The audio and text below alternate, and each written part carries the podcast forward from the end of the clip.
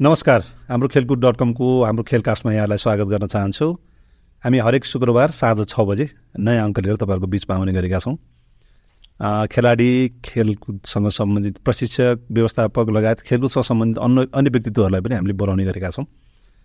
आज हामीसँग अलिक पुरानो खेलाडी जसले खेल्न चाहिँ छोडिसक्नु भएको छ। तर पनि थुप्रै उतार चढाव उहाँको खेल जीवनमा रह्यो। राजेन्द्र भण्डारी एक समयको चर्चित सफल धावक हुनुहुन्छ। दक्षिण एसियाली खेलकुदको स्वर्ण पदक विजेता र ओलम्पियन हुनुहुन्छ र नेपाल ओलम्पियन सङ्घको महासचिव हुनुहुन्छ। आउनुहोस् उहाँलाई स्वागत गरौँ। स्वागत छ यहाँलाई। धन्यवाद।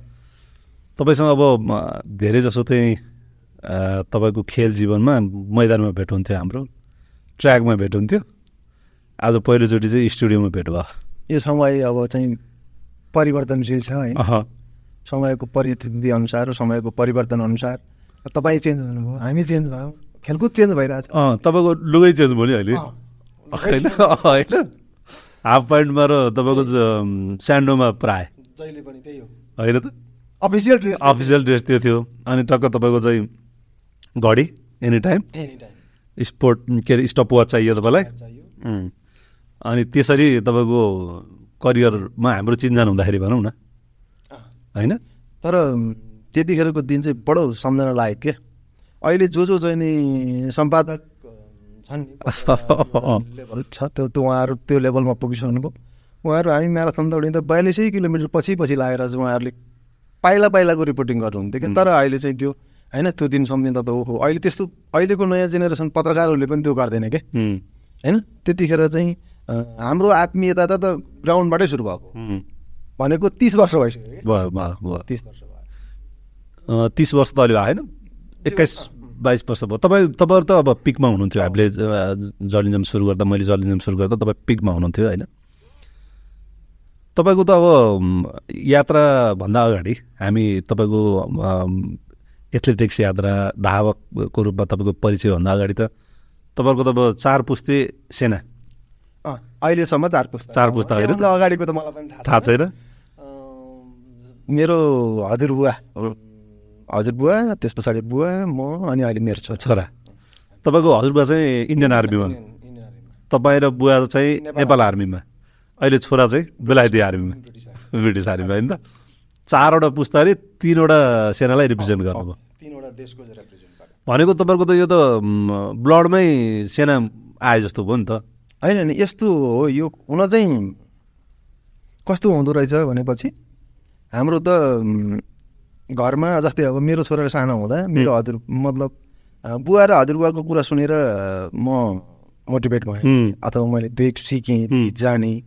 अनि जब चाहिँ मेरो बुवा र मेरो कुरा हुँदा पनि फेरि के भयो मेरो छोराले त्यही सिक सिक्यो। सिक्यो। अनि त्यस पछाडि अब काठमाडौँमा अब बसाइ भयो। छोरा पनि सँगै भयो। अनि अब मेरो चाहिँ म आर्मीमै दाइरो खाएपछि अब आर्मीकै मान्छेहरूसँग बढी सम्पर्क हुने भयो सम्पर्क हुने भयो। अनि छोरो सँगसँगै लिएर कहिलेकाहीँ हिँडेको बेलामा पनि त्यो सबै गतिविधिहरू चाहिँ उसले नजिकबाट निहाल्न पायो हुँ। त्यो भएपछि चाहिँ उसलाई कस्तो हुँदो रहेछ भनेपछि अनि त्यो उसलाई चाहिँ त्यो आर्मी हुन्छु भन्दा भन्नुभन्दा पनि। पहिला चाहिँ उसलाई आर्मीप्रतिको मोह बढ्यो जब आर्मीप्रतिको मोह बढ्यो अनि त्यस पछाडि उसको आफ्नो उमेर हुँदै आयो। अनि त्यस पछाडि उसले त्यो रिसर्च भनौँ न सब केही हेऱ्यो सर्च गर्यो हुँ। अनि सबैभन्दा बेस्ट चाहिँ ल यो ठिक छ यसलाई यसलाई करियर पनि बनाऊ मलाई मन परेको सब मतलब क्षेत्र पनि यही हो भन्ने हिसाबले। त्यसरी चाहिँ नि यो ग्रो हुँदो रहेछ अब त्यो फेरि तपाईँहरूको त एउटा लिगेसी पनि रह लिगेसी पनि फेरि लिगेसीले कस्तो हुँदो रहेछ भनेपछि हजुरको। नेपालमा चाहिँ यो ट्रेन छैन। होइन तर इन्डियन आर्मीमा ब्रिटिस आर्मीमा चाहिँ तपाईँको लिगेसी हेर्छ कि। उनीहरूले सरस्वती हेर्दा मलाई चाहिँ के लाग्छ भने जो हुन त अहिले ती पहिलो जेनेरेसनमा नेपाली सेनामा जाहिर खाएका मान्छेहरूको संस्थाप्रतिको माया र उनीहरूको जति लगाव छ। त्यो चाहिँ त्यो तिन चार पुस्ता अगाडिदेखि उसको बाउ बाजेले त्यहाँ रगत बगाएको हुनाले त्यो छोराको चाहिँ छोरा नातिकोहरूको चाहिँ अझै धेरै चाहिँ त्यहाँ साह्रै चाहे सानो दर्जामा जाहिर खाएको किन। तर उसको चाहिँ त्यो संस्थाप्रतिको माया अनि त्यो प्रतिको सद्भाव र त्यो प्रति उसको आकर्षण चाहिँ? मतलब त्यो संस्थाको कारण हामी पनि यहाँ छौँ भन्ने एउटा फिल चाहिँ हुँदो रहेछ भने। किन भन्दा मेरो हजुरबुवाले हामीलाई अहिले पनि म इन्डियन आर्मीमा त्यत्तिकै रेस्पेक्ट गर्छु। किन भन्दा पेटभरि भात खान पाएको चाहिँ त हजुरबाउकै पेन्सन आयो होइन। त्यो दुई चार पैसा चाहियो भन्दा हजुरबाउले त्यही पेन्सन लिएर फुत्त तिएर अनि भएको हुनाले मलाई अहिले पनि इन्डियन आर्मीमा अत- अत्यन्तै रेस्पेक्ट गर्छु म।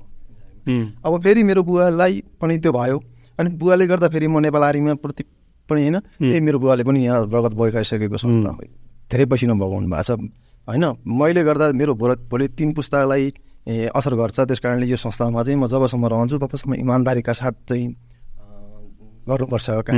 भन्ने जुन र यसको यसको विकास हुनु भनेको पनि यस यसलाई यो संस्था राम्रो हुनु भनेको चाहिँ हाम्रै लागि हाम्रा छोरानातिलाई फाइदा हो भने जुन हामीले त्यो सोचेर काम गर्छौँ नि त्यो अहिले चाहे जतिसुकै ठुलो दर्जामा पुगेको मान्छे होस् ऊ पहिलो जेनेरेसन हो भने अहिले मैले जे भने त्यो कुरो उसमा कति पनि छैन।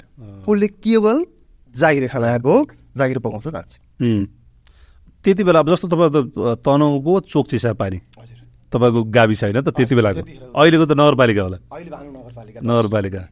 चोक चिसापानीको त्यो बेलाको जेनेरेसनलाई हजुरबुवाको पालामा चाहिँ तपाईँको सेनामा जाने भर्ती हुने भन्ने चाहिँ त्यो बेला कसरी त्यो उहाँहरूको त्यो इन्भाइरोमेन्ट चाहिँ कस्तो रहेछ त्यति बेलाको होइन होइन हजुरबुवालाई चाहिँ भर्ती हुनु गएको होइन। ए। हजुरबुवा चाहिँ तल चाहिँ खेतमा जेठको महिनामा त्यो धानको बिउ चाहिँ राख्न जाँदा अनि त्यो एउटा टिम आउँथ्यो अरे भनेको त्यति बेला हो गल्ला। गल्ला हो।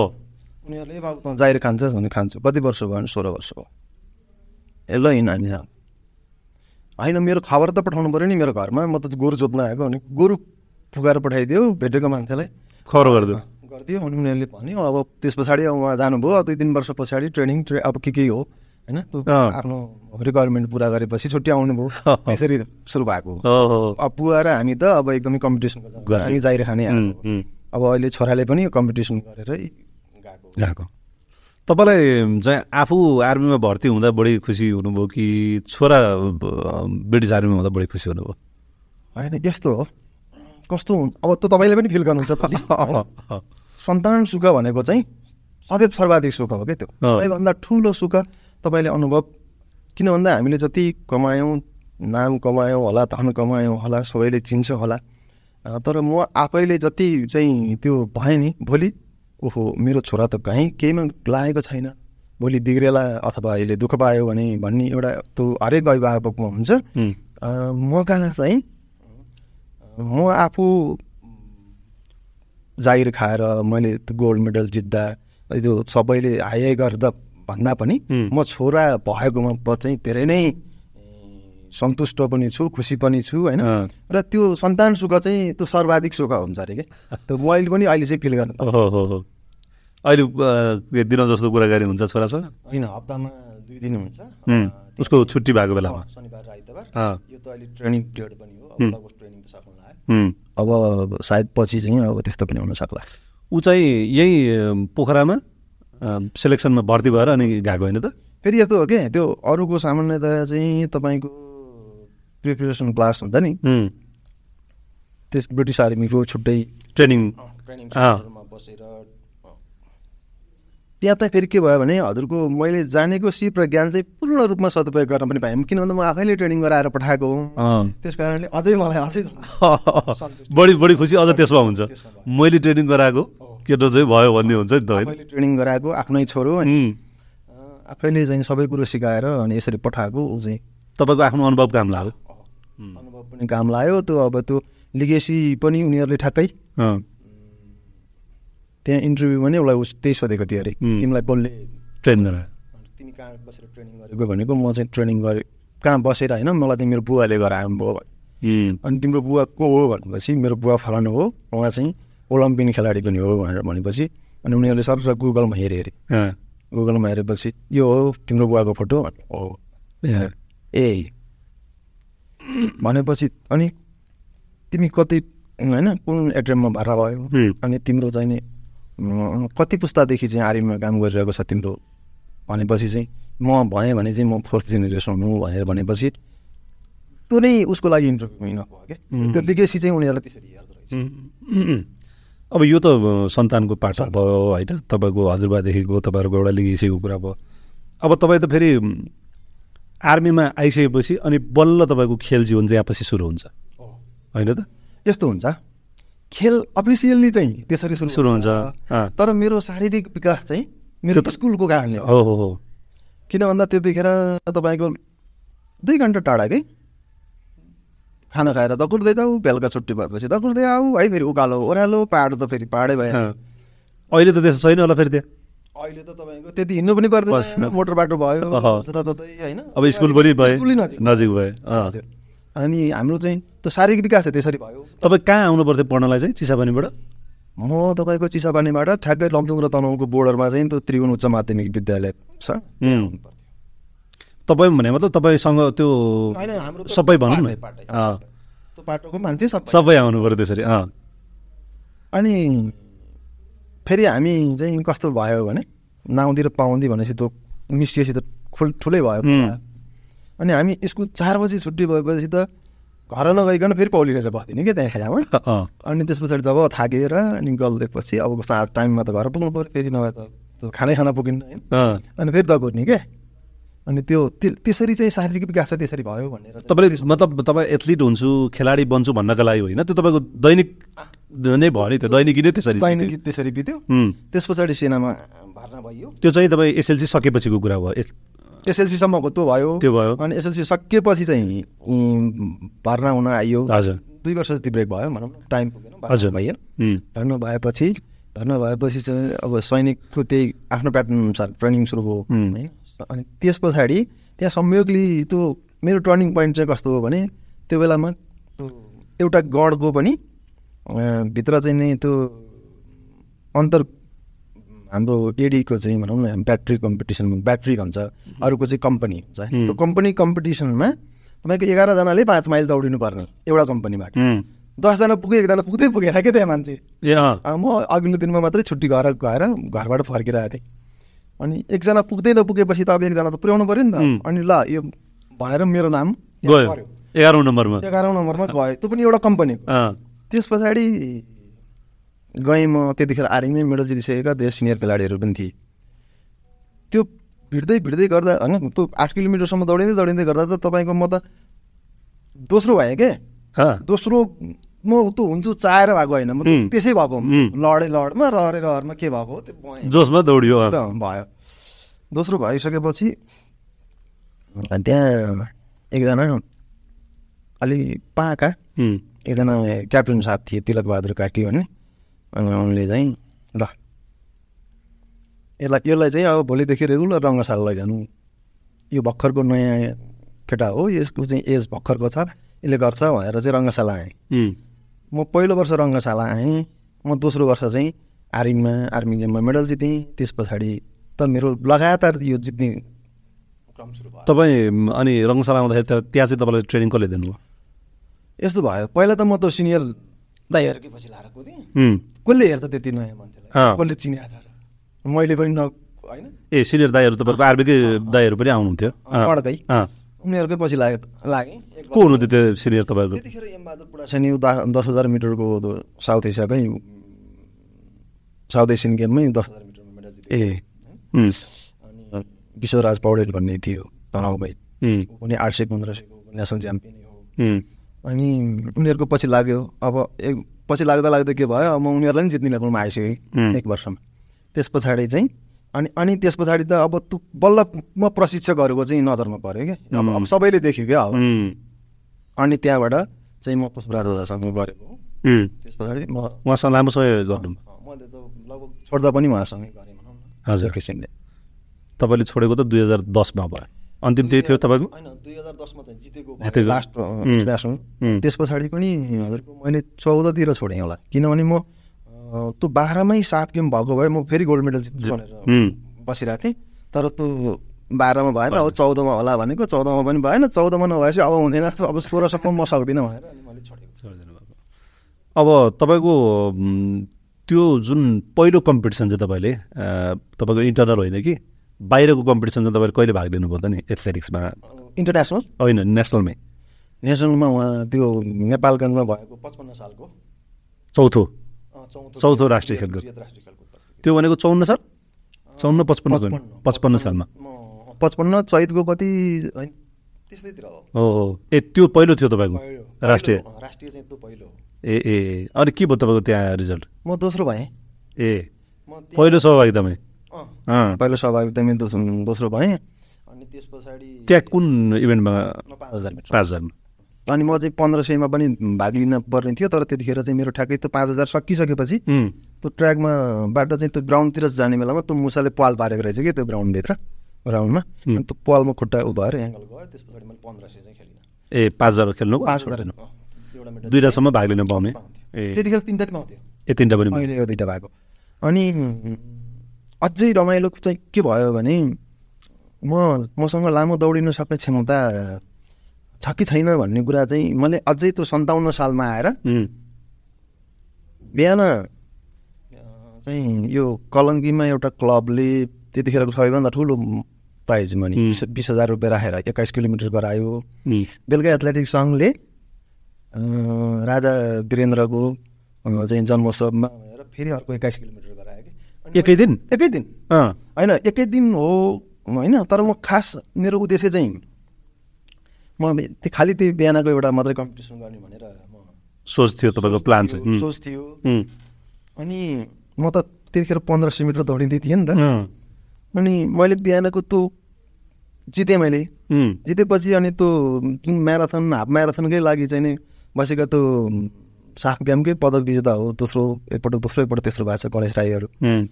उनीहरूले चाहिँ मलाई के भन्यो भने अब अलिकति त्यो म जुनियर पनि भयो नि त। उनीहरूले मलाई होच्याएको जस्तो गरेर बोल्यो कि। होच्याएन है। यो चाहिँ स्पिडको भरमा एउटा इभेन्ट जित्यो। वास्तवमा जित्न सक्छ भने ऊ चाहिँ बेलुका पनि दौडिन आउन त हेरौँ भनेर भन्यो कि उनीहरूले मलाई। त्यो त्यो एक्काइस जितेपछि बिहानको एक्काइस जितेपछि। एक्काइस जितेपछि। त्यस पछाडि त्यही इभेन्टको लागि फेरि बेलुकाको इभेन्टको लागि भनेर उनीहरू आधी आधी आधीले बिहान पार्टिसिपेट गरे. आधीले बेलुका गरे। म चाहिँ म पनि त्यही बिहानको मात्रै गर्नु भनेको त्यस पछाडि मलाई त अलिकति मनमा त्यो आयो। त्यस पछाडि म बेलुका पनि त्यहाँ जाउँ न त भन्दै हेर्दा भनेर त्यतिकै खास कि त्यो दौडिने जुत्तै लगाएको होइन कि। आफ्नो हिसाबले त्यति गएको त्यहाँ आएर त्यहाँ बेलुका पनि सुनायो फेरि मलाई त। अनि म त्यहाँ ट्र्याक्टर स्याक्टर खोलेँ मेरो इन्ट्री गर्न मिल्छ भनेको मिल्छ भने।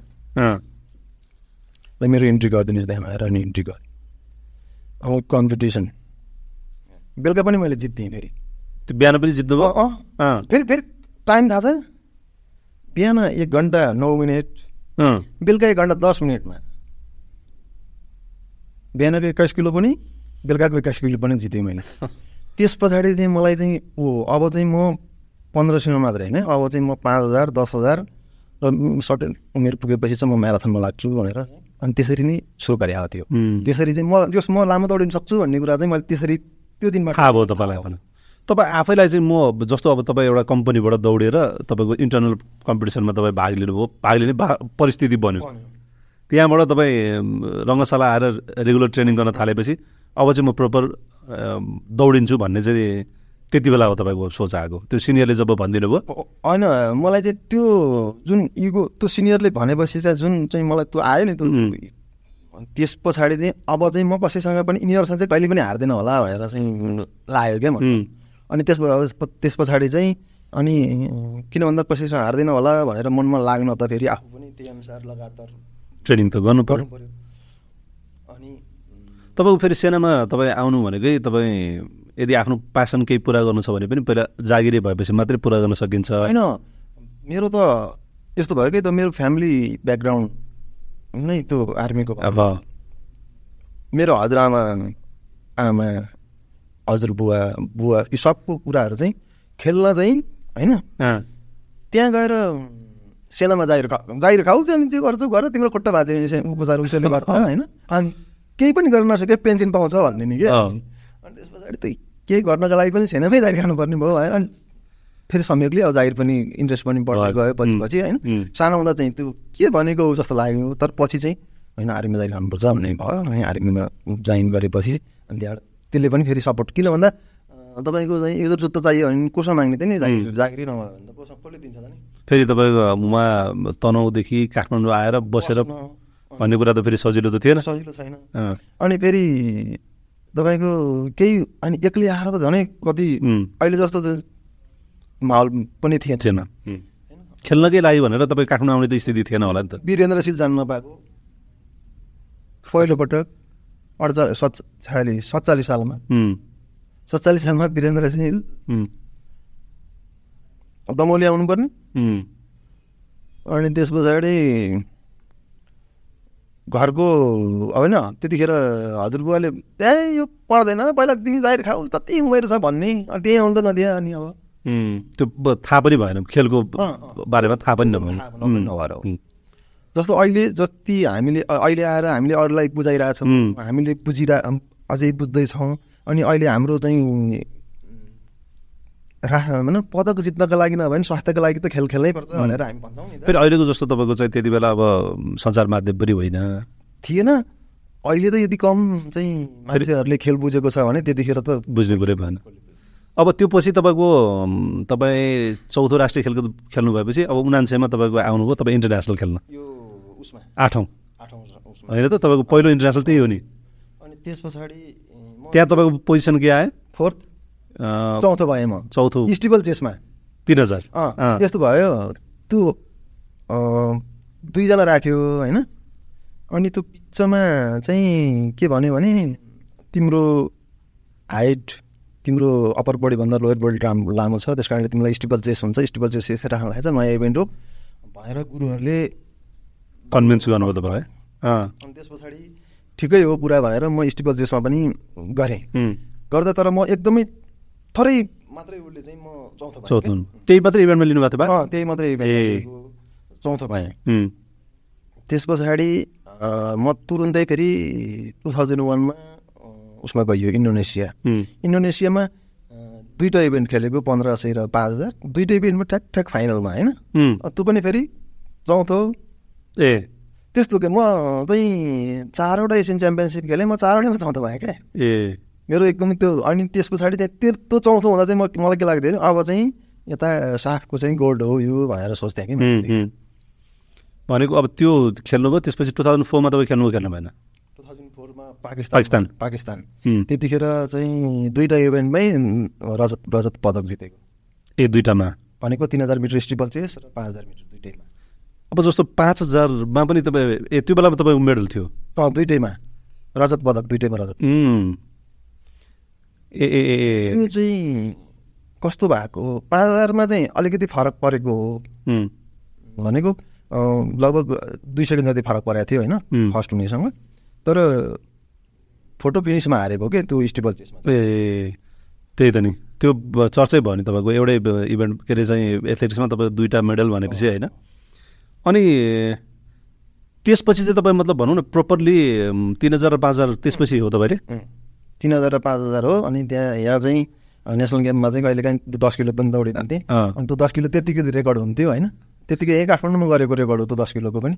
तर त्यतिखेर मैले हरि रोगा दाईको रेकर्ड थियो। द तिस अडचालिस अनि त्यस पछाडि मैले तिस अडतिसमा दौडेँ। अनि अहिले चाहिँ अब त्यो दिपकले. धेरै ल्याएको छ। हो। दिपकले नौमा ब्रेक गर्यो?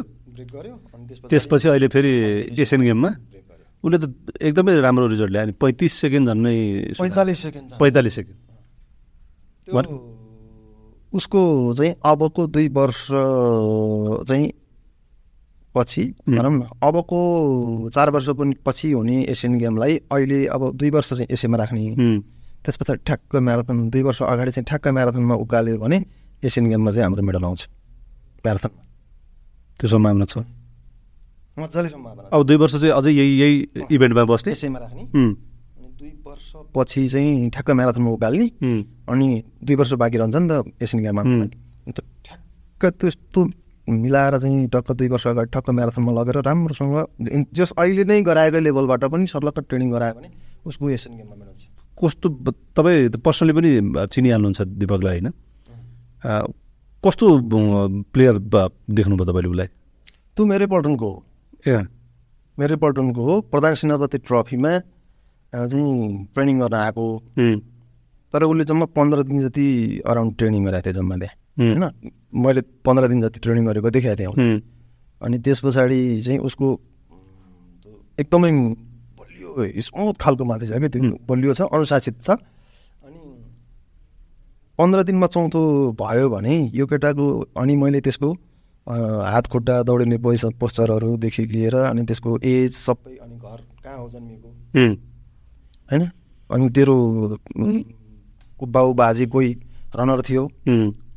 कि भनेर बाउ बाजे काका अथवा उताको मामा कोही थियो कि भनेर सोद्धाखेरिमा उसको चाहिँ काका म्याराथन रनर रहेछ।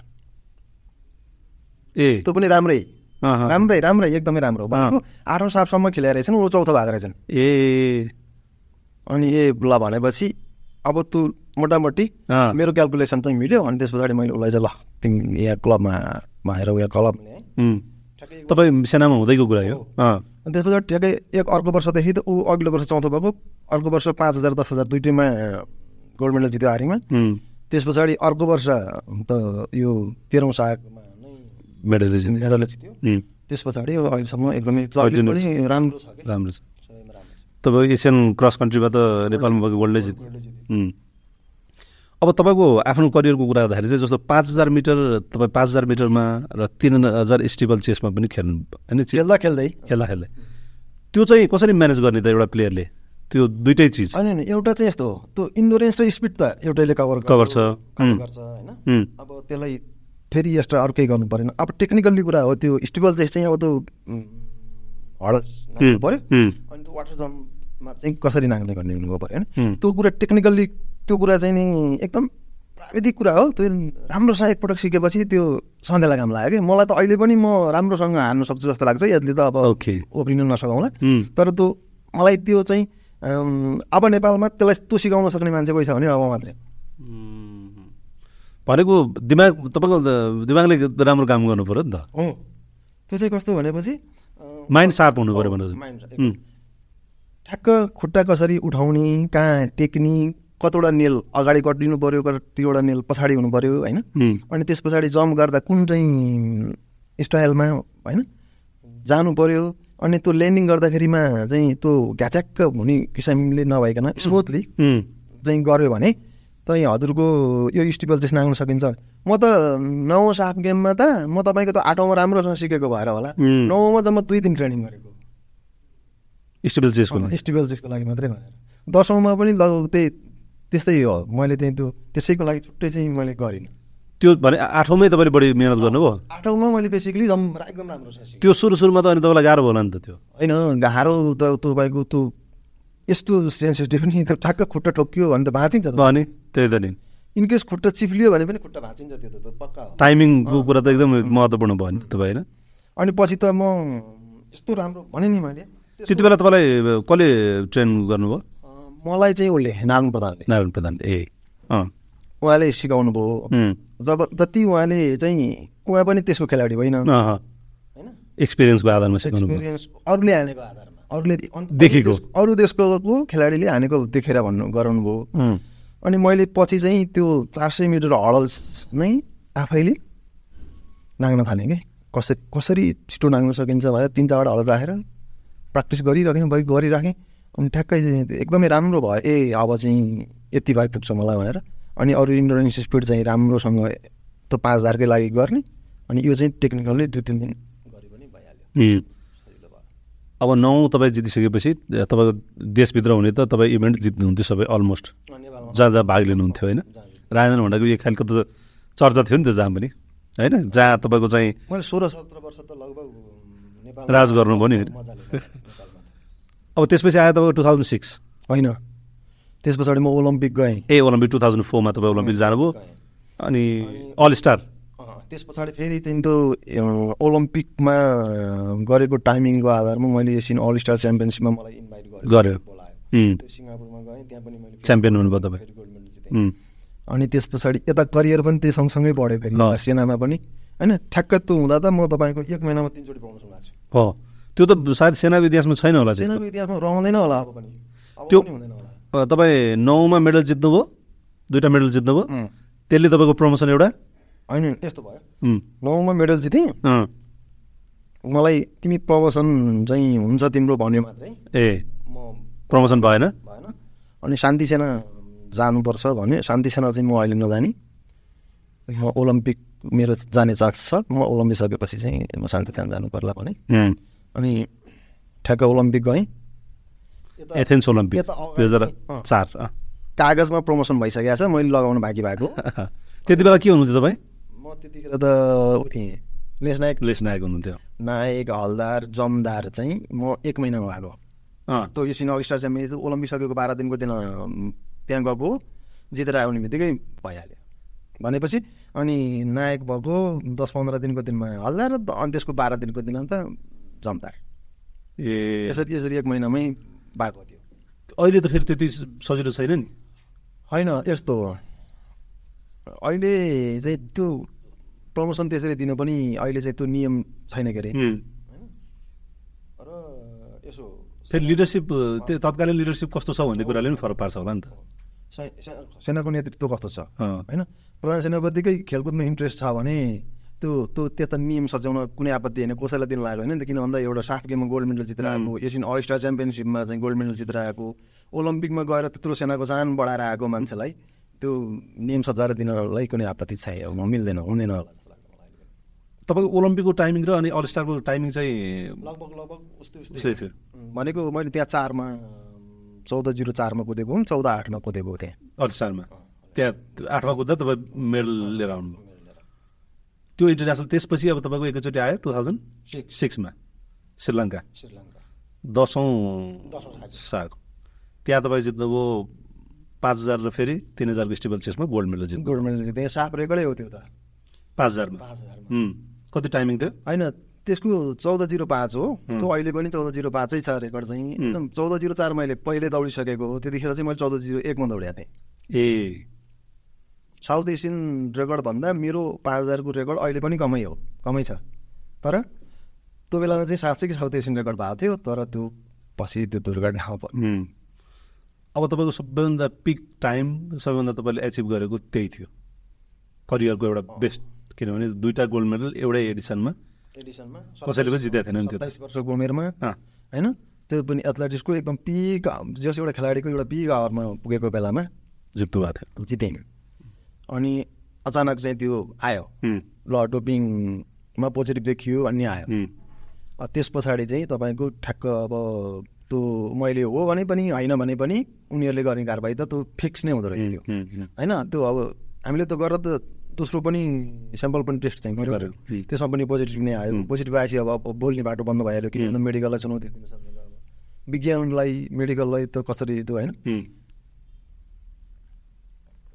त्यस पछाडि दुई वर्ष पुरै हात खुट्टा बाँधेर बस्नु पर्ने अवस्था आयो. म अलिकति तपाईँसँग त्यो जान्न खोजेको चाहिँ जुन दिन तपाईँ अब मेडल जितेर आउँदाखेरिको त खुसी त स्वाभाविक रूपमा हुने भइहाल्यो। तपाईँको भव्य स्वागत भयो सबै खेलाडीहरूको स्वागत भयो तपाईँको पनि भयो होइन? त्यो त एउटा नेचुरल प्रोसेसै थियो। अहिले पनि तपाईँको सक्सेस भएर आएको प्लेयरहरूलाई गर्छ। गर्ने नै भयो तपाईँलाई पनि गर्ने नै भयो। तपाईँको त करियरको त्यति बेला त कसले जितेको थियो? दुइटा गोल्ड मेडल कसैले पनि जितेको थिएन नि त एउटा एडिसनमा त। पछि अहिले तेह्रौँमा अरू तिनजना खेलाडीहरूले जित्नुभयो हाम्रो चाहिँ अझ चारजना प्लेयरले भनौँ न गौरीकाले त चारवटा चारवटा। आयसा मण्डेकाजी र हाम्रो सुभाष तामाङले गल्फको दुई दुईवटा जित्नुभयो। तपाईँ त त्यो टु थाउजन्ड सिक्समा भन्नुहोस् न होइन? नाइन्टिन भनेपछि तेह्र वर्ष अगाडि भनौँ न त्यो उन्नाइसमा उहाँले त्यो सफलता प्राप्त गर्नु अगाडि तपाईँ तेह्र वर्ष अगाडि त्यो गर्नुभएको थियो। सबै सामान्य नै भयो होला होइन त्यति बेला त तपाईँको? यसो हो। अब चाहिँ पक्का खेलाडी भयो। होइन अब चाहिँ एसियन गेमको तारिक अब एसियन गेममा पनि अलिकति मिहिनेत गऱ्यो भने एउटा मेडल त आउँछ भन्ने चाहिँ त्यो पछि एसियन गेम थियो नि होइन? थियो। र त्यो लेभल पनि थियो कि त्यो. त्यो त जिरो एकमा दौडिसकेको थिएँ। भनेको तेह्र उनासाठीमा थर्ड मेडल जितेको थियो कि त्यो बेलामा पनि. भनेको त्यो मेरो त्यो मेरै लागि बनाएको थियो कि त्यो मेडल तर त दुर्भाग्य अब खेल्नै जानु पाइएन. अब तपाईँलाई भनौँ न तपाईँप्रतिको एउटा कोचहरूको एउटा दृष्टिकोण चाहिँ के भने आफ्नो एकदमै पङ्क्चुअल डेडिकेटेड केही गर्नुपर्छ भन्ने प्लेयर चाहिँ हो।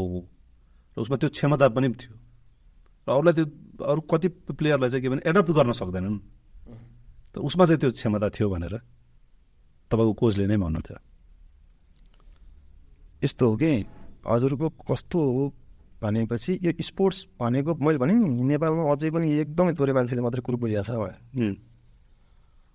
हाम्रो देशमा चाहिँ कस्तो भयो भने तपाईँको चाहे प्रशिक्षक मै भन्ने प्रशिक्षक पनि किन नहोस्.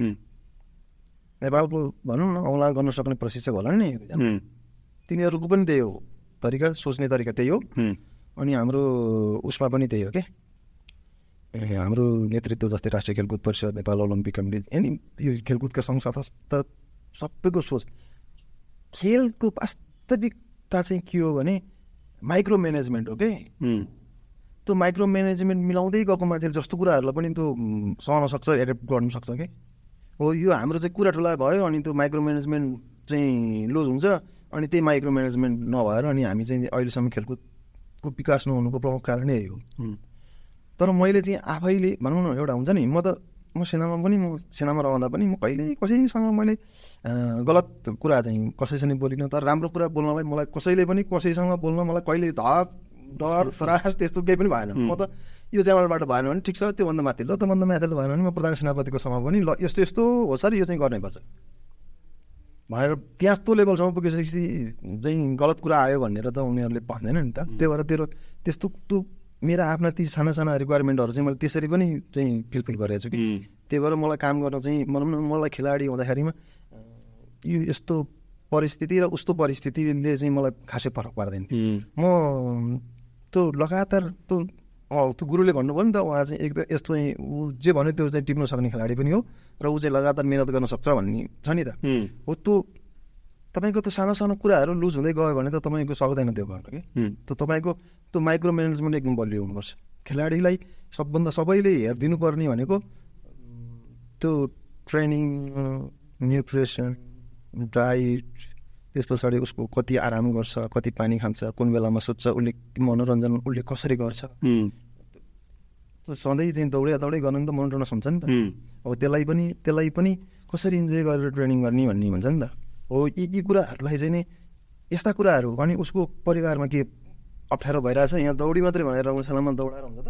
मेन्टालिटी कस्तो छ उसको? मेन्टालिटी पनि हेर्नु पऱ्यो उसको मेन्टालिटी पनि बुझ्नु पऱ्यो उसको उद्देश्य के हो त? उसको साफ गेम खेल्न जाने मान्छेको उद्देश्य के हुन्छ? कतिपय खेलाडीहरूको मैले देखेको छु। त्यो नेपाल लेखेको ट्याक्स आफ्नो पालामा त ठुलो महत्त्व थियो। अनि अहिले त जसले लाएर हिँड्छ होइन त्यो किन लगाएको कि न- लाउनु नहुने हो कि ला के हो थाहा छैन। अब त्यो साप गेम किन खेलेको भन्दा उनीहरू नेपाल लेखेको ट्याक्सोट लाउन भन्थे कि? हो हो उसको मेन्टालिटी के हो? त्यो साप गेममा त्यो एउटा नेपाल लेखेको ट्याक्सुट लाउनको लागि चाहिँ नि त्यो खेल्न गएको खेलाडीबाट त आशै गर्नु के पनि सक्दैन। कमसेकम त्यो खेलाडीको मनोभावना पनि के हो कि?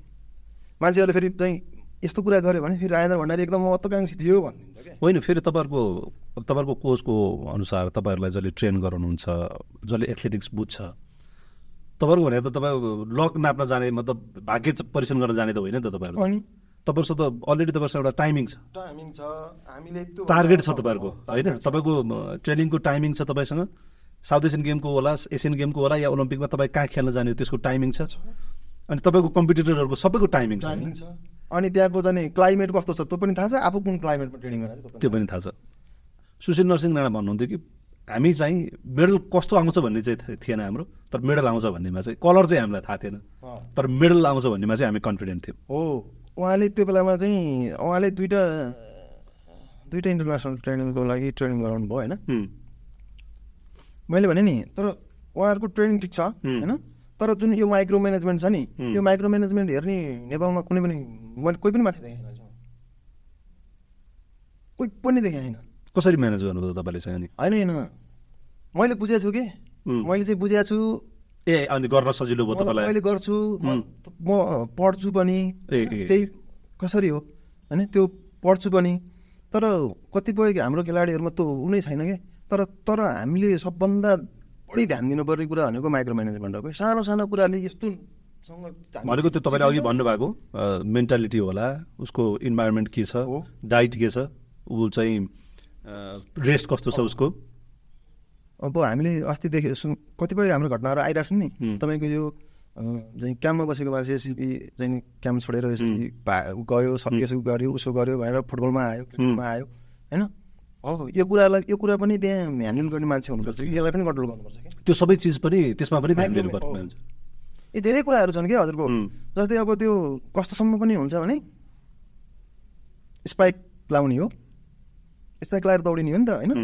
तर त्यो छवटा नेल हुन्छ त्यो एउटा स्पाइकमा होइन। तर पाँचवटा नेल चाहिँ स्तरीय भनेको त्यो जुन क्वालिटीको चाहिने त्यही क्वालिटीको। तर एउटा लामो अथवा छोटो भयो भने त त्यो खेलाडी हार्छ हन्ड्रेड पर्सेन्ट हो त्यो भनेको एउटा नेलको लागि पनि हेर्नु पऱ्यो नि त। त्यतिसम्म तपाईँसँग। अध्ययन गरिराख्नु पऱ्यो तपाईँले। म्यानेज गर्नु पऱ्यो। म्यानेज गर्नु पऱ्यो अनि तपाईँको नेपालमा पानी खानुपर्छ ट्रेनिङ गर्दा दौडिँदा दौडिँदै पानी खानुपर्छ भनेर सिकाएको भनौँ खानुपर्छ भनेर झगडा गरेको म नेपालमा त होइन भने दौडिँदाखेरि पानी खानु हुन्न भनेर भन्ने सिक सिकाइरहेको थिएँ। झाडा पाल्ला त पानी खानु हुँदैन भने जस्तै। अँ। तपाईँको त्यत्रो पसिना बगिरहेछ डिहाइड्रेसन भएर ऊ आफै कमजोर भइरहेछ होइन? तर दौडिँदा दौडिँदै पानी खानु हुन्न यो त चाहिँ मुटुमा काट पर्छ अरे कि ल अब? त्यस्तो त्यो एउटा त्यस्तो थियो क्या जमाना हो। यी यस्ता यस्ता यस्ता साना साना कुराहरूको चाहिँ हामीले म्यानेजमेन्ट मिलाउनुपर्छ क्या। हामीले ठुलो कुरा गरेर होइन। डर पनि कस लागेको भयो तपाईँको? जोसै जोसमा बुढी डर पनि कस लाग्छ अब म तपाईँसँग खास अर्को अब तपाईँको भनौँ न एउटा खेल जीवनमा सबैभन्दा ग्रहण लागेको भनौँ न। तपाईँ आफूलाई त एउटा अब चाहिँ म खेलाडी भएँ भनेर फर्किएको एउटा जोस थियो। यो सिन गेममा मेडल जित्छु भन्ने जोस थियो। छैन त्यो भएको मान्छे तर तपाईँको यहाँ आएपछि थाहा भयो कि कति दिनपछि लगभग थाहा भयो तपाईँलाई कि लगभग डेढ महिना। डेढ महिना जति पछि मलाई असोजको छ गते जस्तो लाग्छ है तपाईँको चाहिँ तपाईँ डोपिङमा अब साल त मैले बिर्सेँ। असोज हो कि जस्तो लाग्छ मलाई किनभने हामी छैसठीतिरै होला। छैसठी सालमा होला।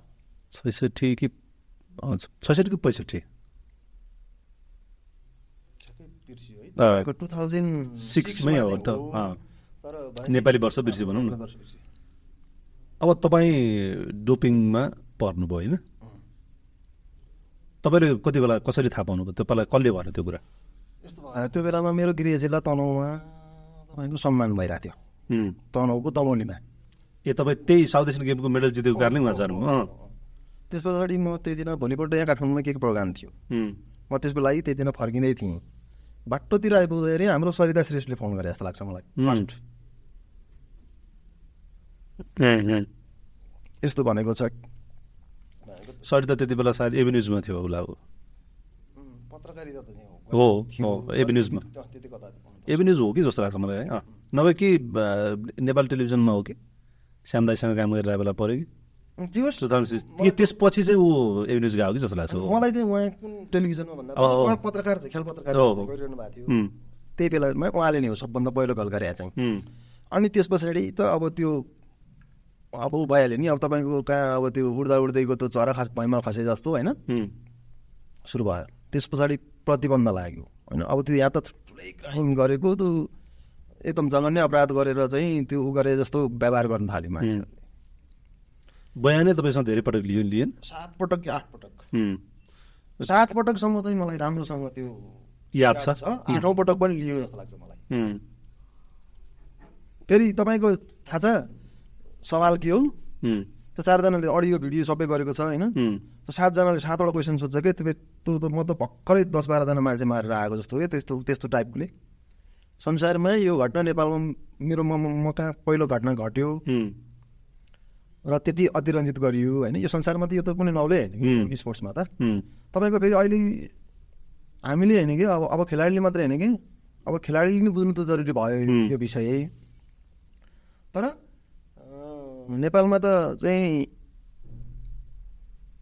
स्पोर्ट्स डक्टर भएर त डक्टरै थिएन नि त नि। कोही थियो त? अर्थ अर्थ अर्थको अर्थको डक्टरले अनि चाहिँ हेरिरहेको हो नि त त्यो बेलासम्म कन्डिसन। हाम्रो अब यस्तो नि जस्तो तपाईँको के भने तपाईँ नेपालको कन्टेस्टमा कुरा गर्दाखेरि नेपाली खेलाडीको अफिसियली पहिला पहिलो डिक्लेयर भनौँ न। जो चाहिँ डोपिङमा असफल। त्यो त नेपालको प्रशासन भनौँ न जसले हाकिराख्नु भएको थियो लिडरसिपमा जो हुनुहुन्थ्यो उहाँहरूको लागि पनि एकदमै नयाँ चिज भयो। होइन? कसैलाई पनि थाहा छैन नि त। अवेरनेस पनि त्यति होइन हाम्रो होइन? डोपिङको बारेमा सामान्यतया खेल्ने मान्छेहरूलाई या खेलाउनेहरूलाई कोचेसहरूलाई त थाहा थियो होला। तर पब्लिकलाई त त्यो हामी कहाँ त त्यस्तो अवेर त थिएन। जब तपाईँलाई अब डोपिङमा तपाईँ असफल हुनुभयो भनिसकेपछि खेलकुद परिषदमा तपाईँलाई ल्याइएको लागि ल्याइएको थियो नि त गाडीमा राखेर सेनाकै गाडीमा राखेर होइन? तपाईँको त्यो पनि सात चोट सात पटक कि आठ पटक हो कि? जस्तो पहिलोचोटि तपाईँ आउँदाखेरि त तपाईँलाई मिडिया फेस गर्नु पनि जस्तो हामी त्यही थियौँ। हो होइन यस्तो भयो नि। तपाईँको सबैले अपराधी बनाइसकेपछि त त्यो एकदम नर्मल मान्छे नि साथ म साँच्चीकै अपराधी हो कि क्या हो? त्यस्तो किसिमको चाहिँ त्यो बनाइसकेको थियो। माहौल त्यस्तो भएको थियो। भएको थियो। उम्, तर अनि उनीहरूले अन्तिममा जानी बुझी नखाएको के के के के भनेर त्यो को को अरूलाई दोषारोपण गरे के के गरे होइन त्यो चाहिँ सिद्धियो। अब कमब्याक गर्ने कसरी के? हो नि त्यसमा अलिकति जाउँ न जस्तो तपाईँको त्यति बेला त्यति बेलाको कोच तपाईँको सुशील नरसिंह राणा हुनुहुन्थ्यो नारायण प्रधान हुनुहुन्थ्यो अनि जर्मन प्रोजेक्ट पनि त सबै चलिरहेको थियो होइन? र उहाँहरूलाई चाहिँ कारवाही गर्ने भनेर। अनि तपाईँको यस्तो हो कि? जर्मन प्रोजेक्ट सबैको आँखा भएको थियो होइन सबैको भनेको त्यति बेलाको लिडरसिपको मेन चाहिँ जे होस् जे होस् नेपालको खेलकुदको नेतृत्वको त्यो आँखाको तारो थियो त्यति बेलाको नेतृत्व भनेको अब जीवनराम श्रेष्ठ हुनुहुन्थ्यो अनि अब ओलम्पिक कमिटीको थियो यी सबैको चाहिँ त्यो भएको त्यस पछाडि दोस्रो हुने मान्छे अब भनौँ मेडलै नलागेको मान्छेलाई हानेर त अब मलाई त त्यो अहिलेसम्म पनि त्यो षड्यन्त्र हो भन्ने लाग्छ कि। खोइ त सत्य तथ्य कहिले बाहिर आएन त? अठार वर्ष बसोबास भइसक्यो त सत्य तथ्य भने त अब के हुन्छ र त्यसमा सत्य होइन। होइन तपाईँको हुन्छ नि त एउटा। भनेको त्यो रिपोर्ट सत्य आएन शारीरिक भएन भन्न खोजेको होइन। तपाईँको उनीहरूले जे जे भन्यो नि त। ए लिडरसिपले। त्यति बेला सीताराम मास्के सीताराम मास्के विनोद विष्ट को को थियो कि उनीहरू? विनोद विश्व भनेको तपाईँको सेनाबाटै बस्नु भएको थियो नि होइन? तपाईँको मैले भन्नु खोजेको अहिले उहाँ त। यो पोजिटिभ त आइसक्यो त आइसक्यो। होइन? त्यस पछाडि चाहिँ उनीहरूले के गर्नु पर्थ्यो भनेपछि त्यसलाई पढाइ चढाइ कसैलाई कारवाही गरेर कसैलाई कारवाही नगरेर त्यो अब मेडल फिर्ता हुनेवाला थियो त थिएन नि त। त्यति त बुझाएको थियो होला नि। त्यति त बुझाएको थियो होला नि उनीहरूले। अनि त्यस पछाडि यो जस्तै मलाई त उनीहरूले छपे पनि उनीहरूले देखाए पनि। मलाई त प्रतिबन्ध हुन्थ्यो हुन्थ्यो। त्यो त्यसमा कुनै शङ्का थिएन। पहिलोपटक नजानी नजानी खाएको भनेको हुना भएको उनी भनेको हुनाले तपाईँको दुई वर्ष प्रतिबन्ध लाग्यो। अब यहाँनिर अब म तपाईँसँग त्यतिखेर अब कुरा निकालिहाल्नु। त्यो सातजनाले सातचोटि विभिन्न बाहनामा यति दुःख दिएर यति रुवाएर भनेको त्यो समितिमा बस्नेहरू। छानबिन समितिमा जो थियो। तिनीहरूले मलाई के गर्यो? त्यो बाह्र सत्ताइसको चाहिँ त्यो प्रति के अरे त्यो मतलब बयान लियो अनि यिनीहरूले केही गरेन. अनि लास्टमा रविराज कडिगार त केहीमा इन्भल्भ थिएन नि त त्यो समितिमा पनि थिएन केहीमा पनि थिएन केहीमा पनि उहाँ केहीमा पनि हुन्थेन.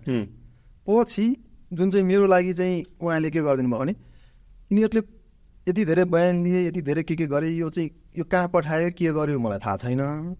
अब तपाईँको चाहिँ प्रतिबन्ध लाग्ने कति लाग्ने भन्ने कुरा चाहिँ अब मैले लेखेर पठाउनुपर्छ। तपाईँ मलाई भेट्न आउनुहोस् भनेर भने उहाँ बेला अध्यक्ष हुनुहुन्थ्यो। होइन ए एथलेटिक सङ्घको महासचिव मासिज हुनुहुन्थ्यो अँ। अनि उहाँका मैले भनेको राष्ट्रिय अन्तर्राष्ट्रिय दुइटै थियो क्यारे त्यति बेला त?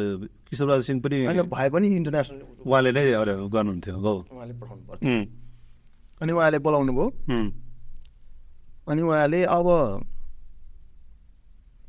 म अब तपाईँले तपाईँको भनाइकै आधारमा मैले चाहिँ यो लेख्छु। भन्यो। अनि त्यस पछाडि उहाँले चाहिँ ल मैले चाहिँ उसलाई थाहा नभएको यो विषयमा कुनै पनि जानकारी पनि नभएको उसले जानेर केही खाएको पनि छैन। यो पहिलोपटक हो। त्यस कारणले उसको लागि चाहिँ मैले दुई वर्ष मात्र सबभन्दा कम सजाय उसलाई दुई वर्ष मात्रै प्रतिबन्ध गर भनेर मैले लेखेर पठाइदिएँ भनेर भन्नुभयो। कि भनेपछि त्यो त्यो सातजनाको के काम लाग्यो भने कि मैले मेरो। मेन आशय चाहिँ उनीहरूले कोचलाई पनि ऊ भने। उहाँहरूलाई त कारवाही। पाँच वर्षको कारवाही चाहिँ निलम्बन के भनेर। भने पाँच छ महिनापछि फुका भयो। थुक्का भयो। अनि मलाई त्यो त्यति टर्चर गर्नुपर्ने होइन? त्यो सेनाको चाहिँ नि उसमा राख्नुपर्ने होइन? कसैसँग बोल्नु नपाउने कसैसँग फोन सम्पर्क गर्न नपाउने होइन? त्यो गर्नुपर्ने आखिर जरुरत त्यसरी पनि राखियो तपाईँलाई अनि? कति समयसम्म त्यसरी राख्यो? होला त्यो लगभग पन्ध्र बिस दिन जति। भनेको तपाईँ अँ, म सेना ब्यारेकमा बस्ने। अँ, कसैसँग नबोल भनौँ न ब्यारेक छोडेर कहीँ नजाने। नजाने। अनि त्यस पछाडि मिडियासँग कुरा गर्न अब प्रतिबन्ध भइ नै हाल्यो भइहाल्यो फोनै थिएन मसँग। मेरो मसँग फोन त्यतिखेर म फोन चलाउँथेँ तर मेरो फोन साइलेन्ट गरेर उनीहरूले राखेको त्यो- भनेपछि मैले त मैले त मैले भोग्ने पीडा त कसले भोगेको छ यहाँ? होइन? तर त्यो सातजनाले त्यो सात दिनसम्म त्यो त्यो बाह्र सत्ताइस चाहिँ किन गरेको हो भने कि? मैले अहिलेसम्म पनि त्यो कुरो थाहा भएको छैन क्या। आखिर त दुई पाना होइन? दुई पेज त रविराज कणिगाले लेखेर अनि त्यो अब तपाईँले त्यो प्रयोग गरे पनि नगरे पनि या अब त्यसमा जेसुकै भए पनि त्यसो भागीदार त तपाईँ नजानेर जेसुकै भए पनि। त्यसो भागीदार त तपाईँ नै हो। होइन? त्यो त्यत्तिको चाहिँ त्यो गरिराख्नु जरुरी थिएन भन्ने तपाईँको एउटा भनाइ त्यो भयो। कि त त्यसोबाट केही त आउटपुट आउनु पऱ्यो। हो। उनीहरूले मलाई त्यति गरिसकेपछि त उनीहरूले चाहिँ ल ऊ चाहिँ एकदमै निर्दोष मान्छे रहेछ। ल उसलाई चाहिँ एक दिन पनि प्रतिबन्ध लगाउनु हुन्न। अब भोलि एसियन गेम खेल्न जान्छ भनेर पठाउनु सकेको भए चाहिँ ए यिनीहरूले रुवाएको पनि काम लाग्यो भन्नुहुन्थ्यो क्या तपाईँको कि त एउटा नजिर पनि हुन्थ्यो कि हिजो चाहिँ कसैको त्यसमा भनौँ न व्यवस्थापकीय कमजोरी छ कि? तर अब कमजोरी जसुकै भए पनि खेलाडी त पर्ने त स्वाभाविकै भइहाल्यो। त्यो त तपाईँको नियम First अनुसार नै फर्स्ट पर्सन नै भयो। तर काहीँ ल्याप्सेस थियो भने पनि त्यो त्यता करेक्सन गर्न मिल्थ्यो आइन्दा यस्तो घटनाहरू नदोरियोस् अरू खेलाडीलाई नपरोस् अरू सचेत होस्। पढाउनु होइन खेलाडी Aware त गराउन सकिन्थ्यो नि त, यही होइन? विषयमा पढाउन सकिन्थ्यो डक्टरहरू को कोले चाहिँ युज गर्ने मेडिसिन कसरी लिने? तपाईँकै अनुभव काम लाग्छ नि। अब अहिले तपाईँको डोपिङबाट डोपिङमा असफल भएको खेलाडी भनौँ न। डोपिङमा पोजिटिभ देखेको खेलाडीको पीडा के हुन्छ? मैले त्यही भने। तपाईँलाई त एउटा इक्जाम्पल पनि त हो नि त। यो त वर्ल्ड स्पोर्ट्समा त नयाँ कुरा त होइन। हाम्रो लागि नयाँ थियो। हाम्रो लागि नयाँ थियो। होइन। तपाईँले आफूलाई म त्यो त्यसमा इन्भल्भ थिएँ थिइनँ भन्ने एउटा बाटो होला। होइन तपाईँलाई जानेर तपाईँले गरेको भए तपाईँले जानेर गरेको भन्दा पनि जरुरी छ त्यो पनि त- यदि तपाईँले गर्नुभयो भने पनि। तर त्यो त एउटा शिक्षा त हो नि त नयाँ पुस्ताको लागि त। अब होइन अब के के खाना हुन्छ के के खानु हुन्न भनेर पुरै लिस्टेड आइसक्यो। होइन अहिले त कफ सिरप पनि खानु ट्रिगोल्ड खानु हुँदैन। पाँच कपभन्दा बढी कफी खानु हुँदैन होइन? कोल्ड ड्रिङ्क्समा पनि छ भन्छ। तपाईँले त्यति बेला चाहिँ केही मेडिसिनहरू केही युज गर्नु परेको थियो थिएन? होइन मेडिसिन चाहिँ त्यो यस्तो स्वास्थ्य बिरामी भएर गर्नु परेको चाहिँ थिएन। तर मलाई चाहिँ त्यो आइरनहरू चाहिँ ए। खानुपर्छ भनेर चाहिँ त्यो चाहिँ खाएको थियो। त्यो त्यो त सर्टिफाइड नै होला नि होइन? ए।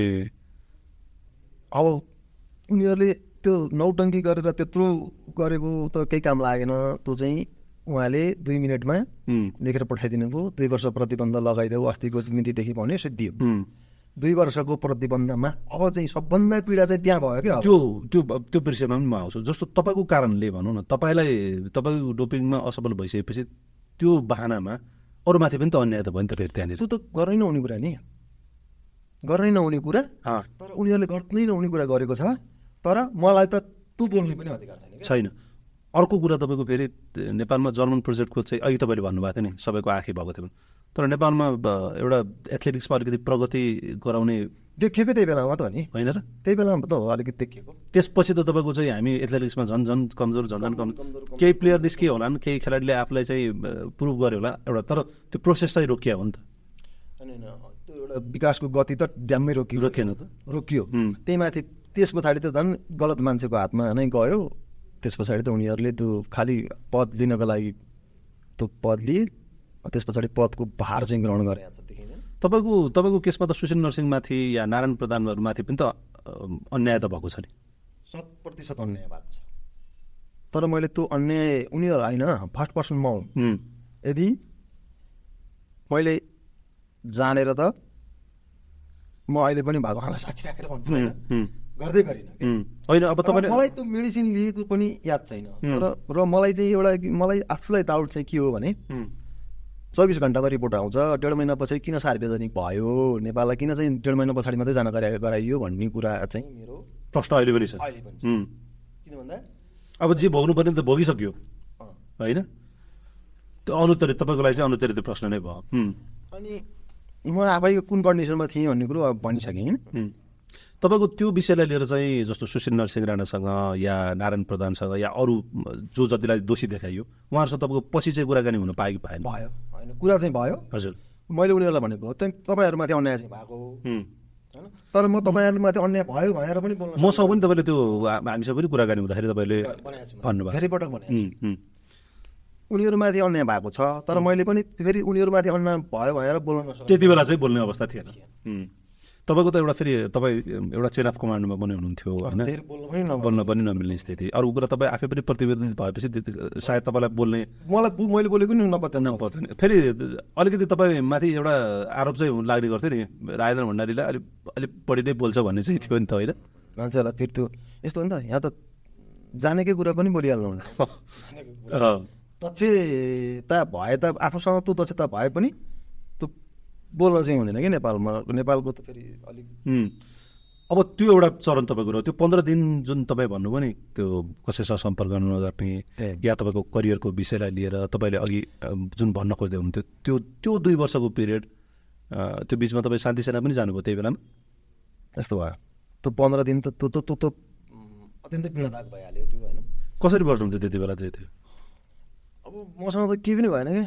म त त्यत्तिकै टोलाएर त्यत्तिकै म त साँच्चैकै म त्यो अरू जस्तो मान्छे भए त त्यो ऊ गर्थ्यो होला आत्महत्या गर्थ्यो होला। तर म चाहिँ मेरो के भएको छ र? होइन मलाई त मेरो खुट्टा भाँचिएको छैन। होइन यिनीहरूले मलाई मारिसकेको छैन। दुई वर्ष प्रतिबन्ध लागे पनि म चाहिँ जो जुन दिन खेला पाउँछु त्यो दिन म फेरि गोल्ड मेडल जित्छु कि। त्यही बेलामा त्यही बेलामा चाहिँ अब त्यहाँ त एक थरी चाहिँ मान्छेहरूले त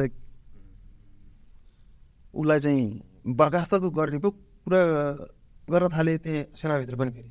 उम्, ल अब भयो अब।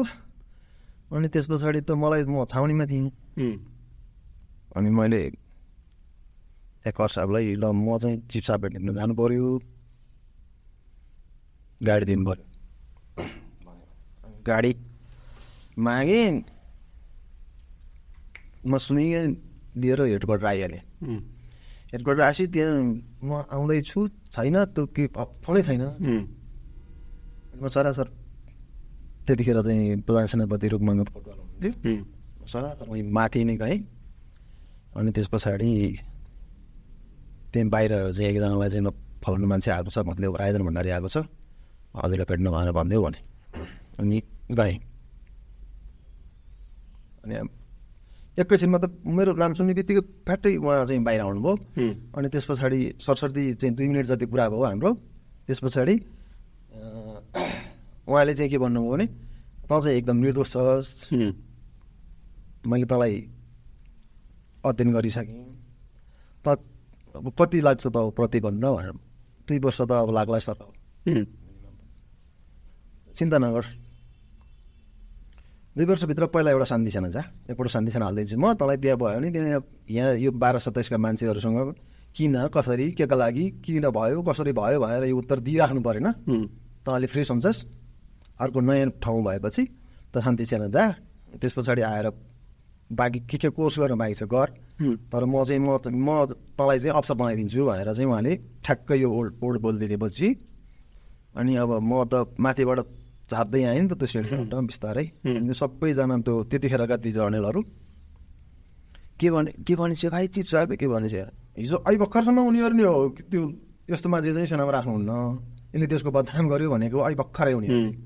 एकैछिनमा मलाई प्रधान सेनापतिज्यूले चाहिँ यो भन्नुभएको छ भनेर भनेपछि चाहिँ अनि चिप साहबले मलाई यो भन्नुभएको छ भनेपछि अनि तिनीहरूको तिनीहरूको मुख त्यहीँ बन्द भयो। त्यस पछाडि म ठ्याक्कै नभने त्यसरी नै म शान्ति सेना पनि परेँ। शान्ति सेना परेपछि त्यहाँ मलाई अलिक सजिलो भयो। किन भन्दा सोध्दैन नि त त्यहाँ त मान्छेहरू थोरै हुन्छ। अब त्यो थोरै मान्छे पनि आफ्नो ड्युटीमा गइरहेको हुन्छ। अनि कसैले पनि सोध्दैन नि त अनि म पनि आफ्नो ड्युटी पनि गर्नुपर्छ। त्यस पछाडि म बिहान बेलुका चाहिँ मजाले ट्रेनिङ गर्नु ट्रेनिङ गर्छु। हाम्रो पुरा पनि हुन्थ्यो त्यति बेला तपाईँ बाहिर हुँदाखेरि अनि ट्रेनिङ गरेँ। तपाईँको नेपाल हुन त अरू देशमा त थाहा छैन मलाई होइन। तर नेपालमा चाहिँ तपाईँको लडेको मान्छेलाई हात दिएर उठाउने मान्छे चाहिँ पाइँदैन छँदै छैन। यो त हामीसँग हाम्रो नेपालीहरूले यो कल्चरै सिकेको छैन जस्तो लाग्छ मलाई चाहिँ। मेरो मैले के बुझेको छु भने लडेको मान्छेलाई कसैले उठाउँदैन। यहाँ कोही घनिष्ठ पनि छैन कोही। साथी पनि छैन होइन? अनि इभन आफ्नै परिवारको पनि केही सदस्यहरूले हेर्ने दृष्टिकोण पनि फरक हुन्छ। त्यो आफ्नै घरको सदस्यलाई पनि। यस्तो। त्यो अवस्थामा अनि मलाई त्यतिखेर नाम लिएर भन्नुपर्छ होइन? मसँग पाँचजना मात्रै छ कि मेरो त्यतिखेर यो मान्छेले फेरि खेल्नुपर्छ यसले फेरि जित्न सक्छ भनेर आशा राख्ने मान्छे। अथवा चाहिँ यसको यो यो राम्रो मान्छे हो अथवा चाहिँ यो मान्छेलाई चाहिँ यो निष्कलङ्कित भएर बाँच्नुपर्छ यसले बाँचिन्जेल उम्, भनेर भन्ने मान्छेहरू चाहिँ तपाईँको पाँचजना छ क्या जम्मा मेरो जिन्दगी। होइन? एउटा प्रकाश तिमल सिन्हा हो तपाईँ नै भयो। एक एउटा पूर्व प्रधान सेनापति रुकमाङ्गत कटुवाल होइन? त्यस पछाडि मेरो श्रीमती। अनि मेरो बाबुआमा। मेरो बाबुआमा पनि होइन आमा चाहिँ होइन मेरो हजुर हजुर तपाईँले बारम्बार भन्ने भनेको सुन्छु। अस्ति एउटा कार्यक्रममा पनि तपाईँले भन्नुभएको थियो अरे म त थिइनँ त्यो प्रोग्राममा होइन? होइन। यो होइन? तपाईँहरू तपाईँले खेल्नुपर्छ तपाईँ जित्नु सक्नुहुन्छ तपाईँ इभन तपाईँले बरु नखेल्नुहोस् त्यस पछाडि नखेल्नुहोस् एकपटक जितेपछि नखेल्नुहोस् तर तपाईँ निष्कलङ्कित भएर बाँच्नुपर्छ भन्ने मान्छे चाहिँ मेरो जिन्दगीमा पाँचजना हो कि यति पाँचजना हो। तपाईँ आफूलाई तपाईँ चाहिँ के भने तपाईँमा चाहिँ जुन खालको दाग लागेको छ नि त्यो दाग चाहिँ पखालिनुपर्छ। मेरो चाहिँ त्यति नै इन्टेन्सन थियो। तपाईँसँग त्यो क्षमता छ। त्यो क्षमता भएको मान्छेले चाहिँ आफूलाई प्रुभ गर्नुपर्छ। अनि मेरो त्यो पाँचजना मध्ये त्यो एकजना हाम्रो यो पनि हो। अहिले चन्द्रगिरी नगरपालिकाको। प्रवक्ता होइन। जहाँ अहिले तपाईँ बस्नुहुन्छ जुन नगरपालिकामा। बस्छु। उहाँ त्यतिखेर पनि म त्यहीँ बस्थेँ कि। उहाँले चाहिँ त्यो किताबहरू किनेर ल्याइदिने क्या। मोटिभेसनको लागि। ए सेल्फ मोटिभेटेड होस् भनेर। जस्तै अब त्यो हाम्रो मैले त्यतिखेर नै हो त्यो दुई चारवटा किताब पढेको छु। कि होइन? अनि उहाँहरू चाहिँ सधैँ किताब ल्याइदिने अनि मैले पढिसकेपछि चाहिँ म फिर्ता गर्थेँ कि. फिर्ता गर्नुपर्छ किताब पढिसकेपछि चाहिँ भनेर अनि फिर्ता गर्थेँ उहाँले हो।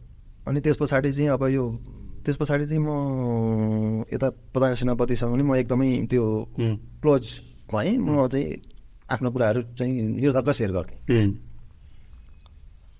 फर्केँ म। शान्ति सेनाबाट फर्केँ। कति वर्षको थियो तपाईँको त्यो? त्यतिखेर छ महिनाको छ महिना, तर. यहाँ पाँचकालमा छ महिना त्यहाँ छ महिना गर्दा एक वर्ष बित्यो।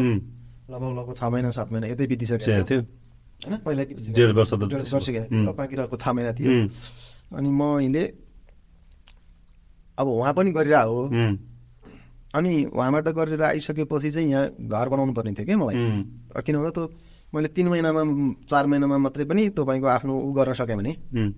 घर बनाएर बास बस्न सकेँ बास बनाउन सकेँ भने त एउटा त्यो पनि उपलब्धि भयो नि त यो भन्दाको भनेर अनि त्यो पैसा थिएन यताउता जोडजाड गरेर घर बनाउनु पनि सुरु गरेँ. अनि बिहान कन्टिन्यू ट्रेनिङ गरेँ। अनि दिउँसो घरतिर त्यो हेरेर बसेँ।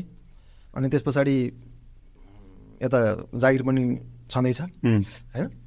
त्यसो गरिदिएपछि ठ्याक्क चाहिँ नि जुन दिनमा प्रतिबन्ध सकिन्छ भनेको थियो त्यही दिनमा चाहिँ यो नेपाल ओलम्पिक कमिटीको त्यो महासचिवज्यूले चाहिँ गराउने त्यो काठमाडौँ म्याराथन। म्याराथन। त्यो म्याराथन ठ्याक्कै त्यही दिनमा थियो कि तर उहाँले मलाई त्यो दिन खेल्न दिनु भएन कि। त्यो चाहिँ मेरो चाहिँ उहाँसँग त्यो गुनासो चाहिँ रहिरहन्छ क्या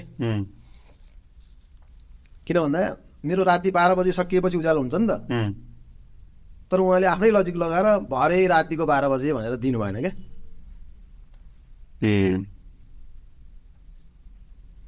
राति बाह्र बजी सकिएपछि त्यो त छ गते लगाएपछि त छ गते सकिन्छ नि त। नेक्स्ट रात गति खेल्नु पाउनु पर्थ्यो भन्ने। तपाईँको तर्क चाहिँ। छ गते लगाइ सकिँदैन। होइन सात गतेको राति बाह्र बजी सकिन्छ भनेर उहाँले दिनु भएन होइन। त्यो पनि मेरो उहाँप्रति चाहिँ गुनासो छ अहिले त्यो। अनि त्यस पछाडि अब त्यो भएन। अब अरू लोकल भनौँ न अरू सानातिना इभेन्ट खेलेर काम पनि छैन। होइन? अनि बरु साफमै सेकेन्ड मेडल जितेको खेलाडी पनि त्यहीँ छ. म्याराथनमै छ नि त। होइन त्यो म्याराथनमा भाग लिन्छ नि त उसले पनि। अर्जुन बस्ने त त्यो बेलाको सातको सेकेन्ड मेडल अनि मैले त्यो ठ्याक्क त्यही म्याराथनलाई अरू गेम पनि नभएको। अनि उसलाई यहाँ सेकेन्ड भएको मान्छेलाई यहाँ हराउनु पाइयो भने त उहाँ गर्दा फेरि गोल्सी दिन्छ भन्ने पनि हो क्या फेरि। त्यो। एउटा आफूले जज गर्ने। ऊ पनि हो आफ्नो टाइम थाहा उम्, त्यस पछाडि अब राजेन्द्र भण्डारीको प्रतिबन्ध सकियो। अब राजेन्द्र भण्डारीले चाहिँ यो प्रतियोगितामा भाग लिँदैछ। भनेर सेनामा पनि पुरा हल्लाखल्ला भयो। अनि त्यतिखेर हुनुपर्ने चाहिँ आउनुपर्ने त्यहाँ इन्भाइट चाहिँ उसलाई गरेको थियो क्या प्रधान सेनापति कटवाल चिफ साहबलाई नै गरेको थियो. तर म चाहिँ भ्याउँदिनँ। अनि तपाईँ जानुहोस् साहब भनेर चाहिँ त्यतिखेर त फेरि पूर्व प्रधान सेनापति छत्रमान सिंह गुरुङलाई चाहिँ कटवाल चिफ साहबले भन्नुभएको रहेछ। अनि मैले अनि बुढा भोलिपल्ट बिहान ग्राउन्डमा सोध्न आएँ. त्यतिखेर त फेरि विडम्बना कहाँनिर छ भने नि मलाई ट्रेनिङ गराउनु त प्रशिक्षक पनि कोही नमान्ने के? उम्, नेपालमा त मैले भने नि किन हात उठाउन? लडेको मान्छेलाई हात समाएर उठाउने चलन छैन किन भन्छु भने नि मैले? एउटा त खे- खेल्न नफर्कियोस् भन्ने एउटा ठुलो जमात छ। होइन? त्यो माथि प्रशिक्षण म प्रशिक्षक गराइदिन्छु तिमी फेरि खेलेर जित्नुपर्छ भनेर होइन म ट्रेनिङ गराउँछु भन्ने प्रशिक्षक पनि छैन क्या कोही? कसैले ट्रेनिङ गराएन मलाई।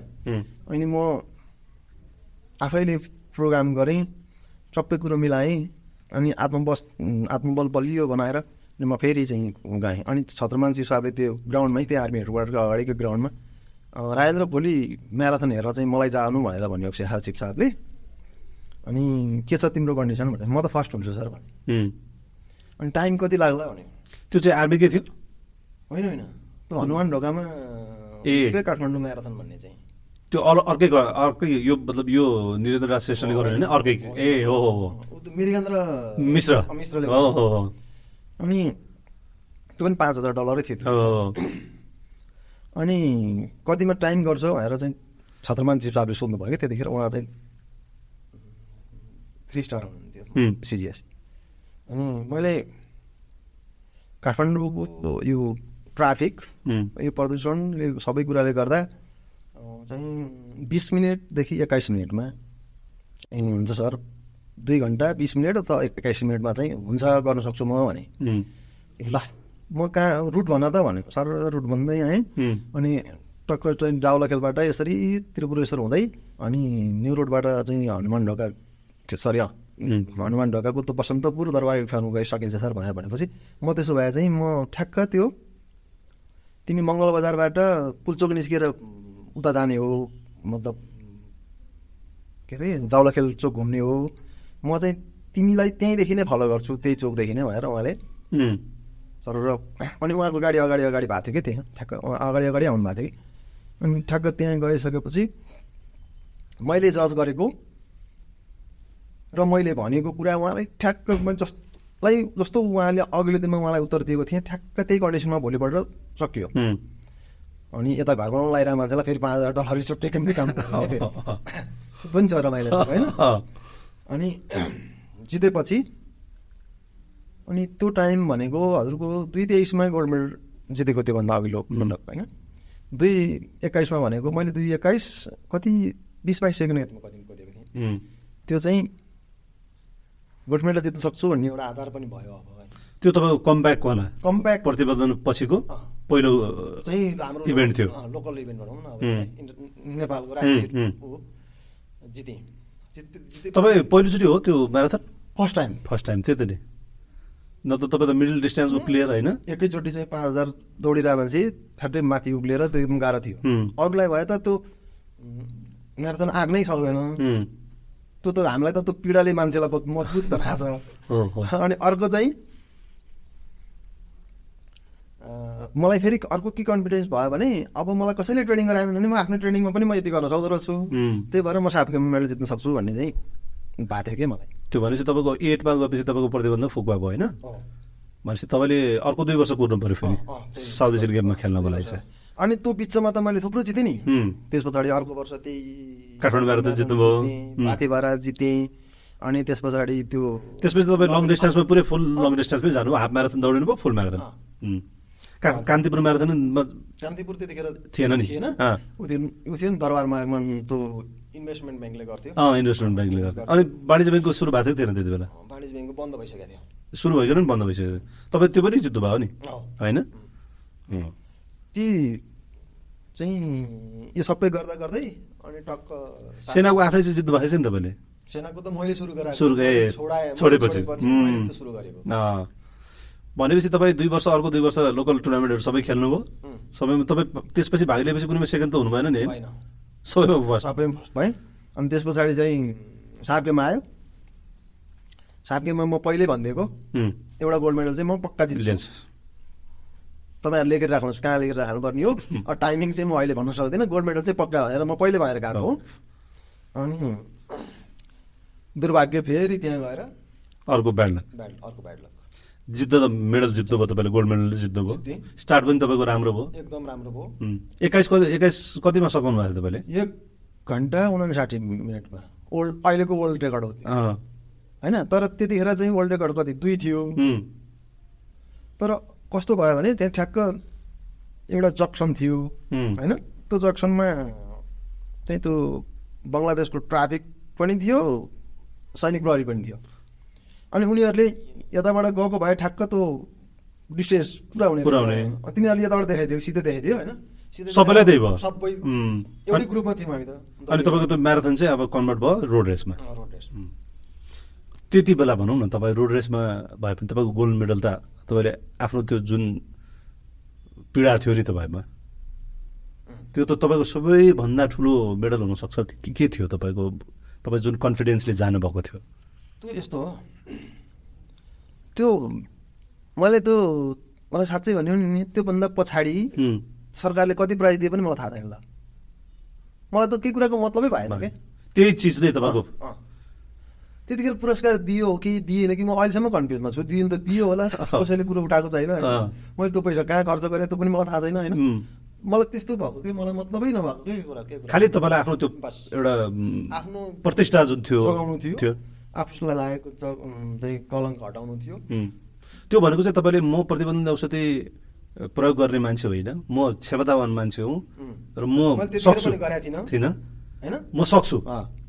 म चाहिँ आफ्नै क्षमताले जितेको हो त्यतिखेर पनि म अहिले पनि त्यही हो भनेर प्रुभ गर्नु थियो तपाईँलाई।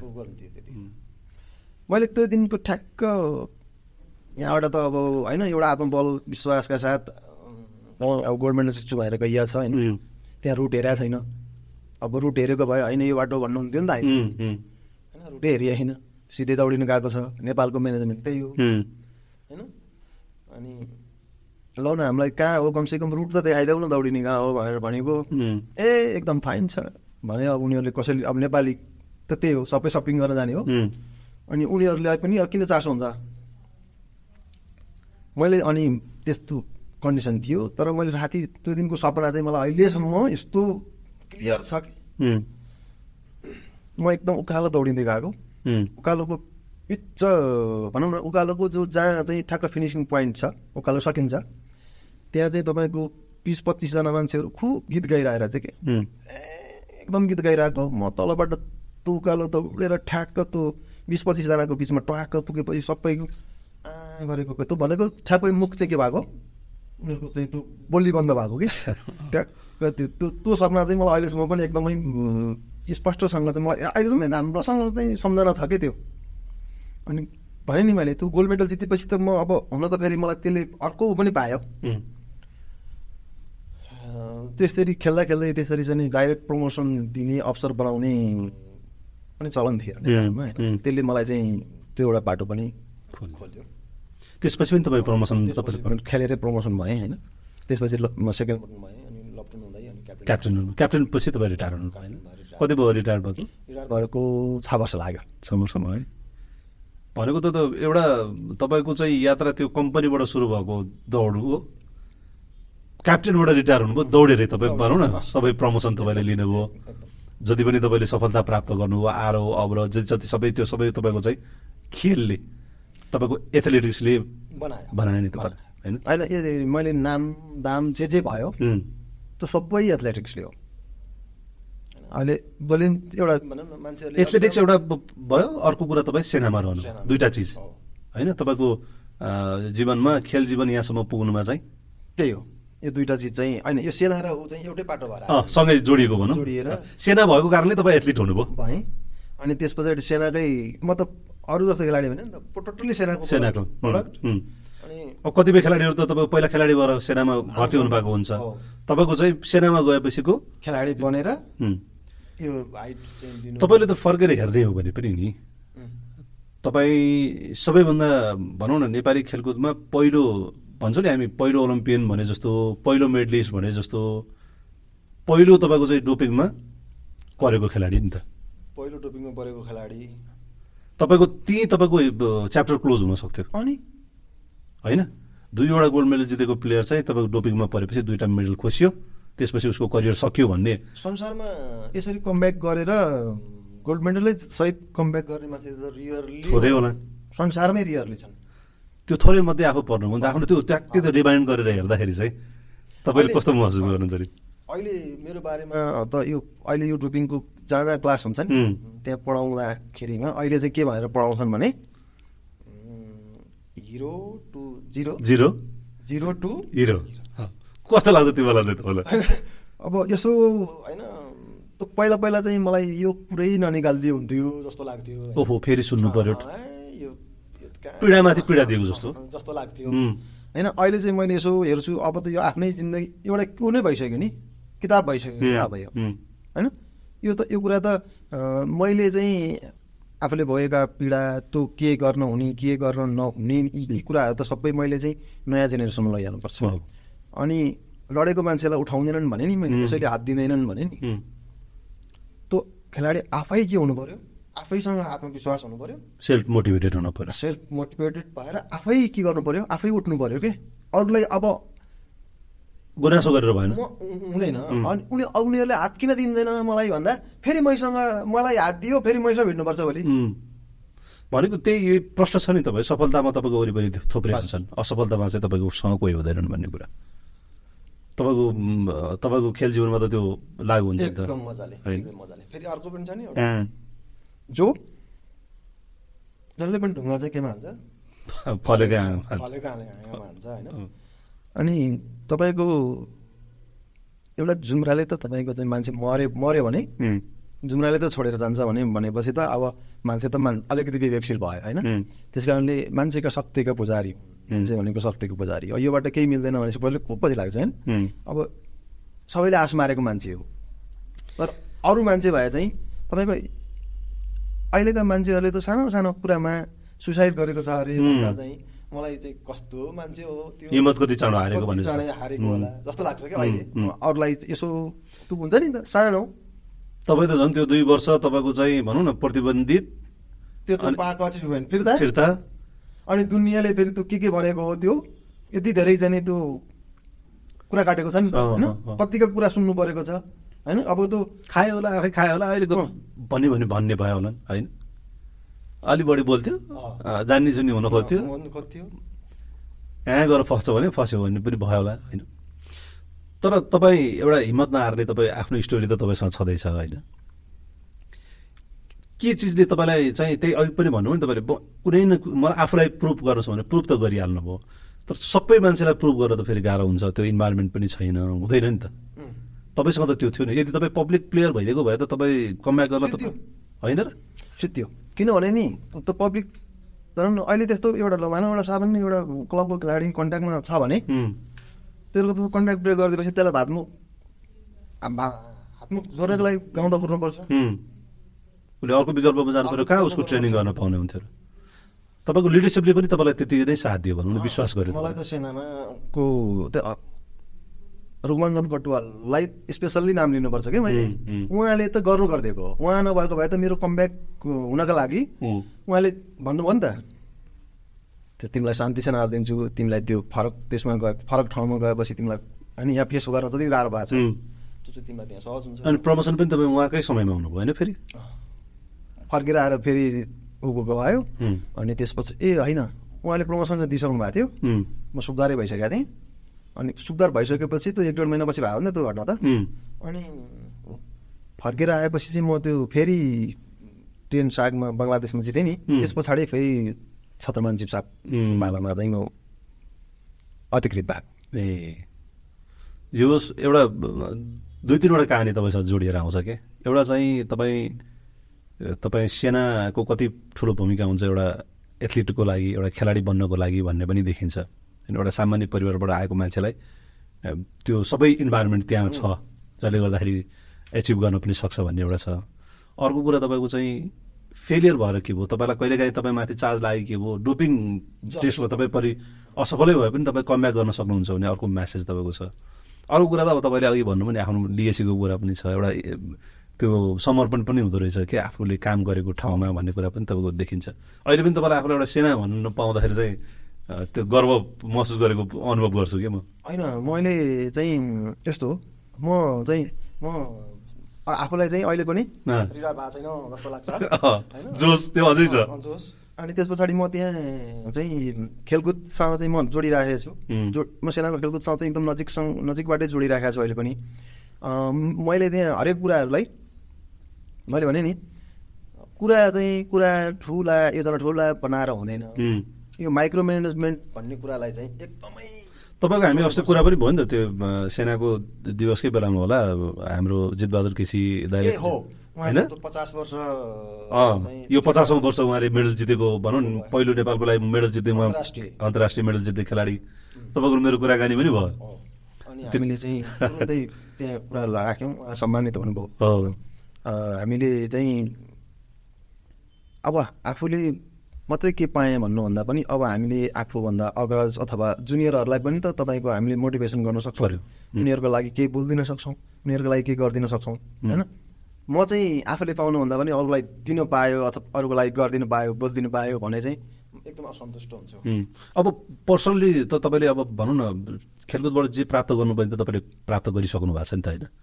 अब राजेन्द्र भण्डारीलाई हेरेर या तपाईँको बारेमा पढेर जानेर चाहिँ नयाँ पुस्ता प्रेरित भयो भने त त्यो त तपाईँको लागि पनि त सफलता हो। एकदमै एकदमै किन सफलता हो हो भनेदेखि अ, तपाईँको यस्तो हो क्या? जस्तै हामीले कसको बाटो हेऱ्यौँ कसलाई हेऱ्यौँ सिनियरलाई। हामीले वैकुण्ठ मानवको नाम सुन्दै हुर्क्या हो होइन? हामीले रेडियोमा सधैँ उहाँकै नाम हो सुन्दै नि हुर्क्या हो? अनि पछि उहाँसँगलाई पनि भेट्नु पायो। उहाँसँग पनि हिँड्नु पायो. भनौँ न कति प्रोग्राममा त सँगै पाइन्छ। अनि उहाँको लागि चाहिँ भनौँ न ए उहाँको उहाँ त यस्तो खालको मान्छे हो। उहाँलाई चाहिँ तपाईँहरूको तर्फबाट तपाईँहरूको सङ्घ संस्थाले यो केही गरिदिनुहोस् भनेर भन्न उनीहरूलाई पनि भन्न पायौँ भने आफूलाई कति खुसी लाग्छ नि। हो नि। अब जस्तै त्यो दिपक अधिकारीले अस्ति चाहिँ नेसनल रेकर्ड गर्यो. होइन?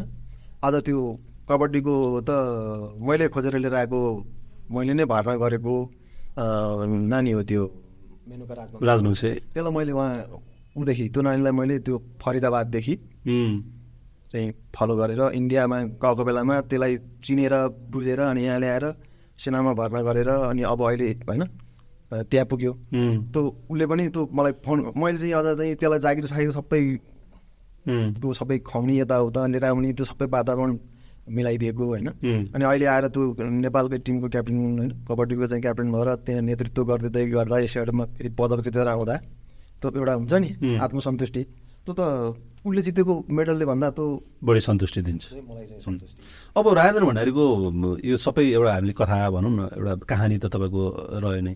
तर राजेन्द्र भण्डारीले आफैले आफैलाई चाहिँ मूल्याङ्कन गरेको छ कि छैन कुनै बेलामा? कि म चाहिँ यहाँनिर चाहिँ चुकेँ या योनिर चाहिँ मेरो कमजोरी रह्यो? म यो कारणले अलिकति पछि परेँ या यो कारणले म अरू कसैको नजरमा बाट चाहिँ मलाई हेर्ने नजर अलिक फरक छ भन्ने? कहिले त्यस्तो चाहिँ फिल गरेको छ कि छैन तैँले होइन मलाई त्यो चाहिँ भएको छ। होइन तर तर मलाई केही पाउनु छैन। म त एकदमै सन्तुष्ट छु नि त। होइन म असत्यलाई असत्यलाई साथ दिएर मलाई केही पाउनु चाहिँ छैन।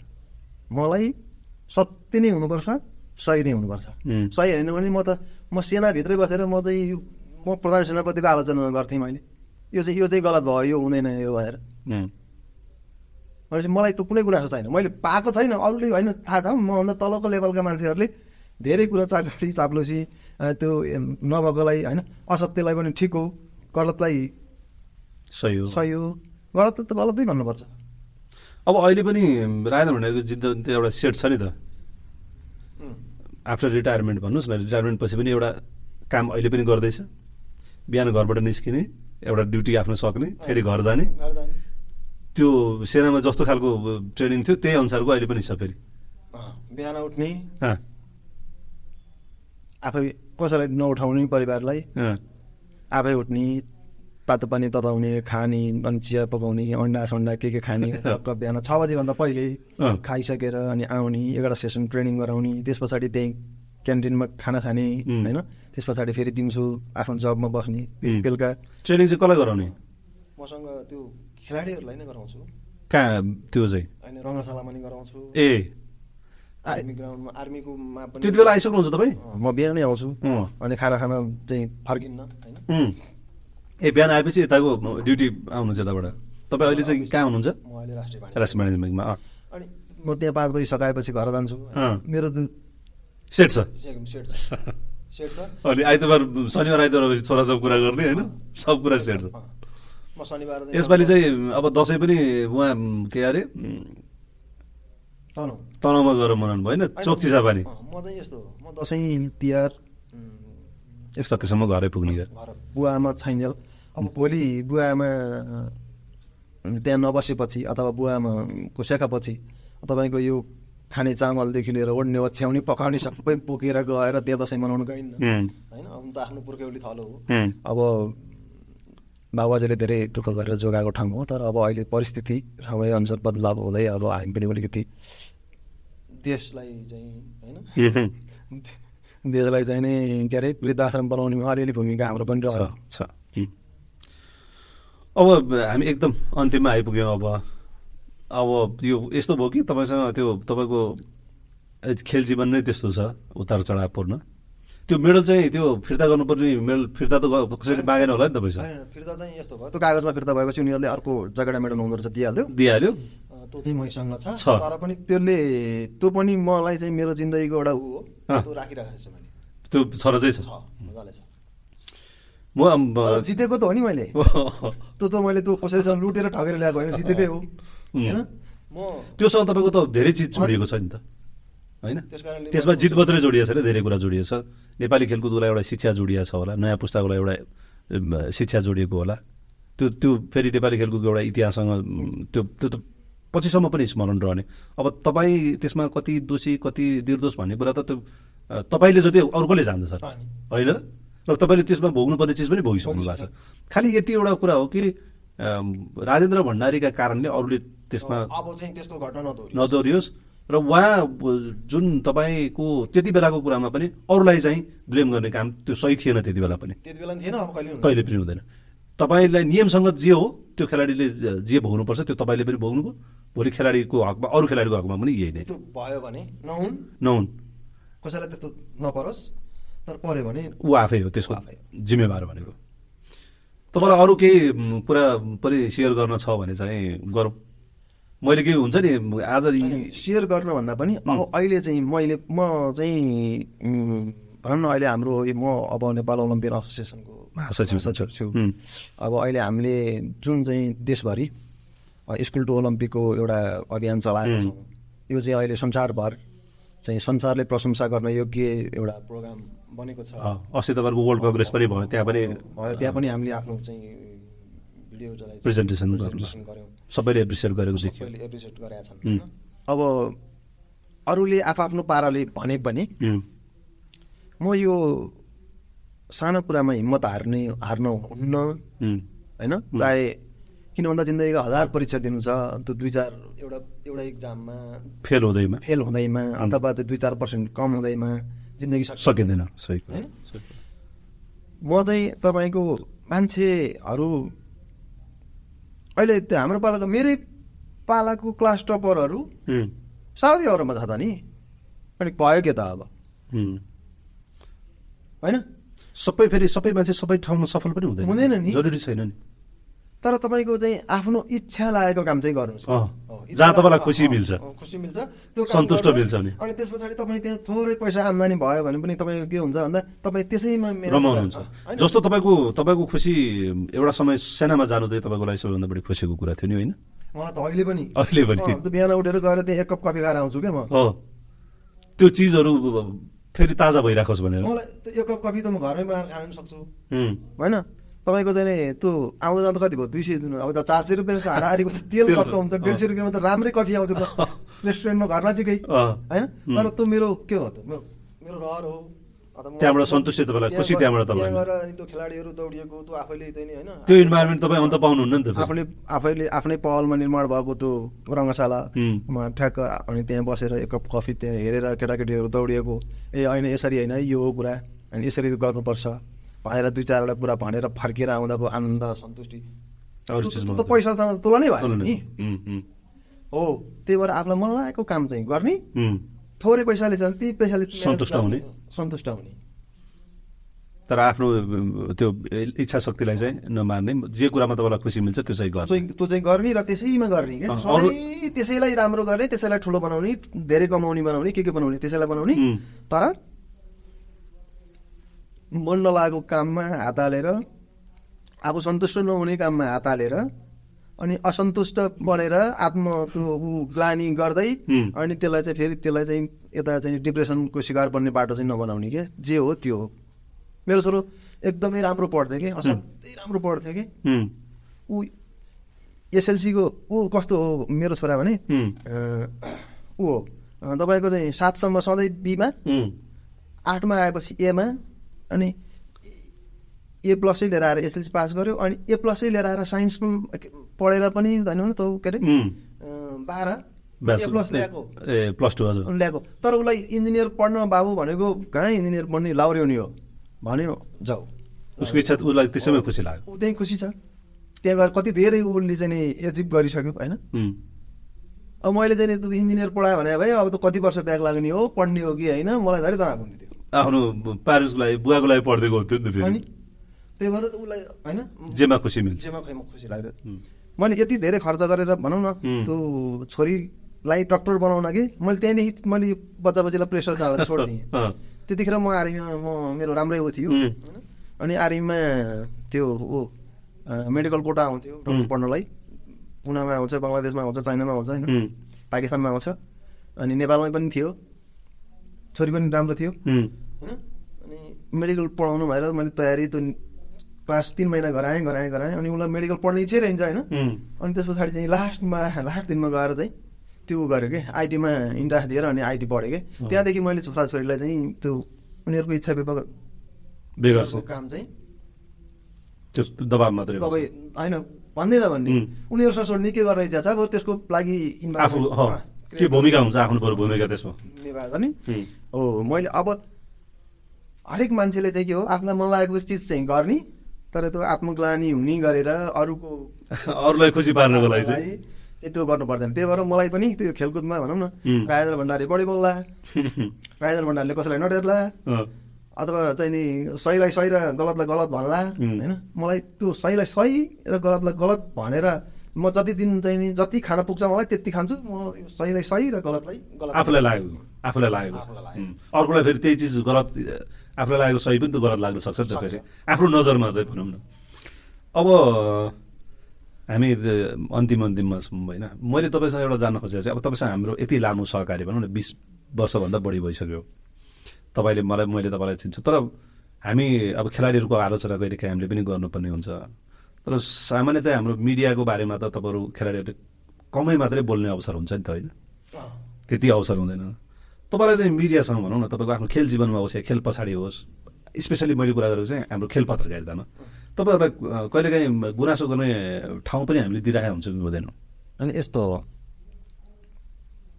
हामीले जुन बेलामा खेलकुद पत्रकारिता अथवा भनौँ न इलेक्ट्रोनिक मिडिया हामीले सहयोग चाहेको बेलामा चाहिँ उपलब्ध हुँदा त गुनासो गर्ने ठाउँ रहेन।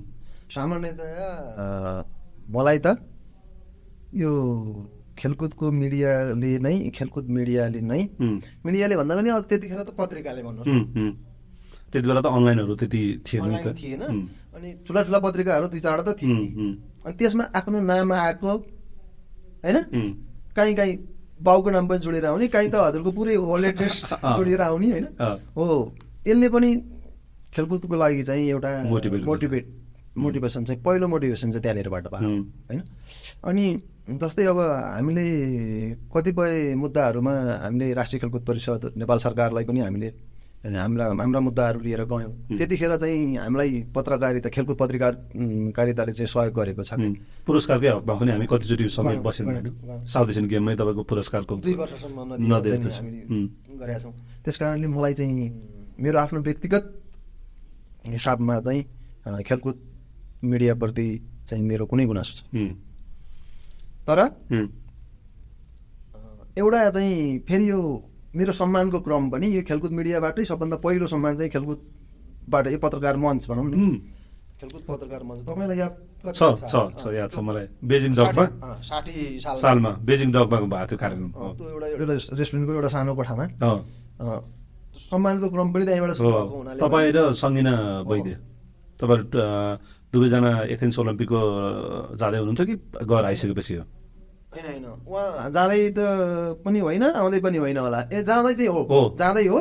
तर हामीलाई चाहिँ त्यो नौ साफको सफलता। सफलताको तपाईँहरूलाई मेरो पहिलो मोटिभेसन पनि पत्रकारितै भयो. म पत्रिकाबाटै भयो. अनि दोस्रो सम्मान पनि खेलकुद मिडियाबाटै भएको हुनाले चाहिँ र आफूलाई आवश्यकता परेको र चाहिएको बेलामा चाहिँ सम्पर्क गर्दा सबै चाहिँ टाइममा उपलब्ध भएको हुनाले मिडियासँग चाहिँ मेरो खासै गुनासो छ। हुन्छ हामीलाई यहाँसम्म आएर समय दिनुभयो आफ्नो कुराहरू सेयर गर्नुभयो होइन? अझ अझै कति कुरा गर्न मन थियो तर आज कस्तो भने तपाईँको यो कुराहरू आउन पनि पर्थ्यो। अब यो त सोह्र सत्र वर्ष अगाडिको कुरा त भइसक्यो होइन? पुरानो कुरा भए कति बिर्सिन्छ भने तर कुरा- कसैलाई फेरि चाहियो या कसैले हेर्न चाह्यो भने के हो त राजेन्द्र भण्डारीको चाहिँ भन्ने कुरा आउ आइराख्नुपर्छ। बुझ्नुपर्छ अरूले पनि भन्ने चाहिँ मलाई लाग्छ क्या खास सबभन्दा मैले केही बोल्दिनँ यो विषयमा। भनेदेखि फेरि यो दुर्घटना घट्छ फेरि तपाईँले त बोल्नै पर्छ। अब अहिले तपाईँलाई बोल्न समस्या पनि छैन नि त त्यो विषयमा बोल्दा त तपाईँलाई केही समस्या पनि छैन। यदि तपाईँले गल्ती नै लागेको आफूलाई भन्यो भने तपाईँले पश्चाताप गर्न पनि पाइयो नि त। यदि आफूले लाग्यो भने त पश्चाताप पनि गर्न पाइने होइन? त्यो भएर पनि मैले तपाईँलाई चाहिँ के भने अब हाम्रो धेरै दिन भएको थियो कुराकानी गर्ने गर्ने भनेको के कहिले के नमिल्ने कहिले के नमिल्ने। ठिकै छ तर तर पनि तपाईँ आउनुभयो नि अब अरू बेला त हामी यति कुराकानी गर्ने हामी कहिलेकाहीँ अब टुरसँगै जाने कामसँगै गर्ने त छँदैछ होइन। त्यसबाहेक यो पनि अब यसले नयाँ पुस्तामा पनि केही म्यासेज जाला भन्ने मैले चाहिँ आशा गरेको छु हेरौँ। तपाईँले पनि मलाई बोलाइदिनु भयो आफ्नो कुराहरू राख्ने मौका दिनुभयो। त्यस कारणले अब हाम्रो खेलकुद डट कमलाई पनि धेरै धेरै धन्यवाद र तपाईँलाई पनि हस्। उहाँ हुनुहुन्थ्यो राजेन्द्र भण्डारी नेपाल ओलम्पियन सङ्घको महासचिव पनि हुनुहुन्छ। पूर्व धावक हुनुहुन्छ साउथ इस्ट गेमको गोल्ड मेडलिस्ट हुनुहुन्छ अल स्टारमा गोल्ड मेडलिस्ट। उहाँको चाहिँ लामो हामीले यात्राको बारेमा भनिहाल्यौँ। अब चाहिँ नयाँ पुस्तामा केही म्यासेज दिनुपर्छ भन्नेमा लाग्नु भएको छ उहाँ। हाम्रो कहिलेकाहीँ सहकारी पनि हुन्छ। र यो हाम्रो खेलकुदको हाम्रो खेलकास्ट हरेक शुक्रबार साँझ छ बजी तपाईँहरूलाई तपाईँहरू सामु ल्याउने गरेका छौँ। फेरि हामी अर्को अङ्कमा अर्को अतिथिसँग आउने नै छौँ। आजको लागि हामीलाई फोटो घरलाई यो स्टुडियो उपलब्ध गराइदिनु भएको फोटो घरलाई र क्यामेरामा सुभाष मगाइसहित प्रकाश दिन बिदा दिनुहोस्। नमस्कार।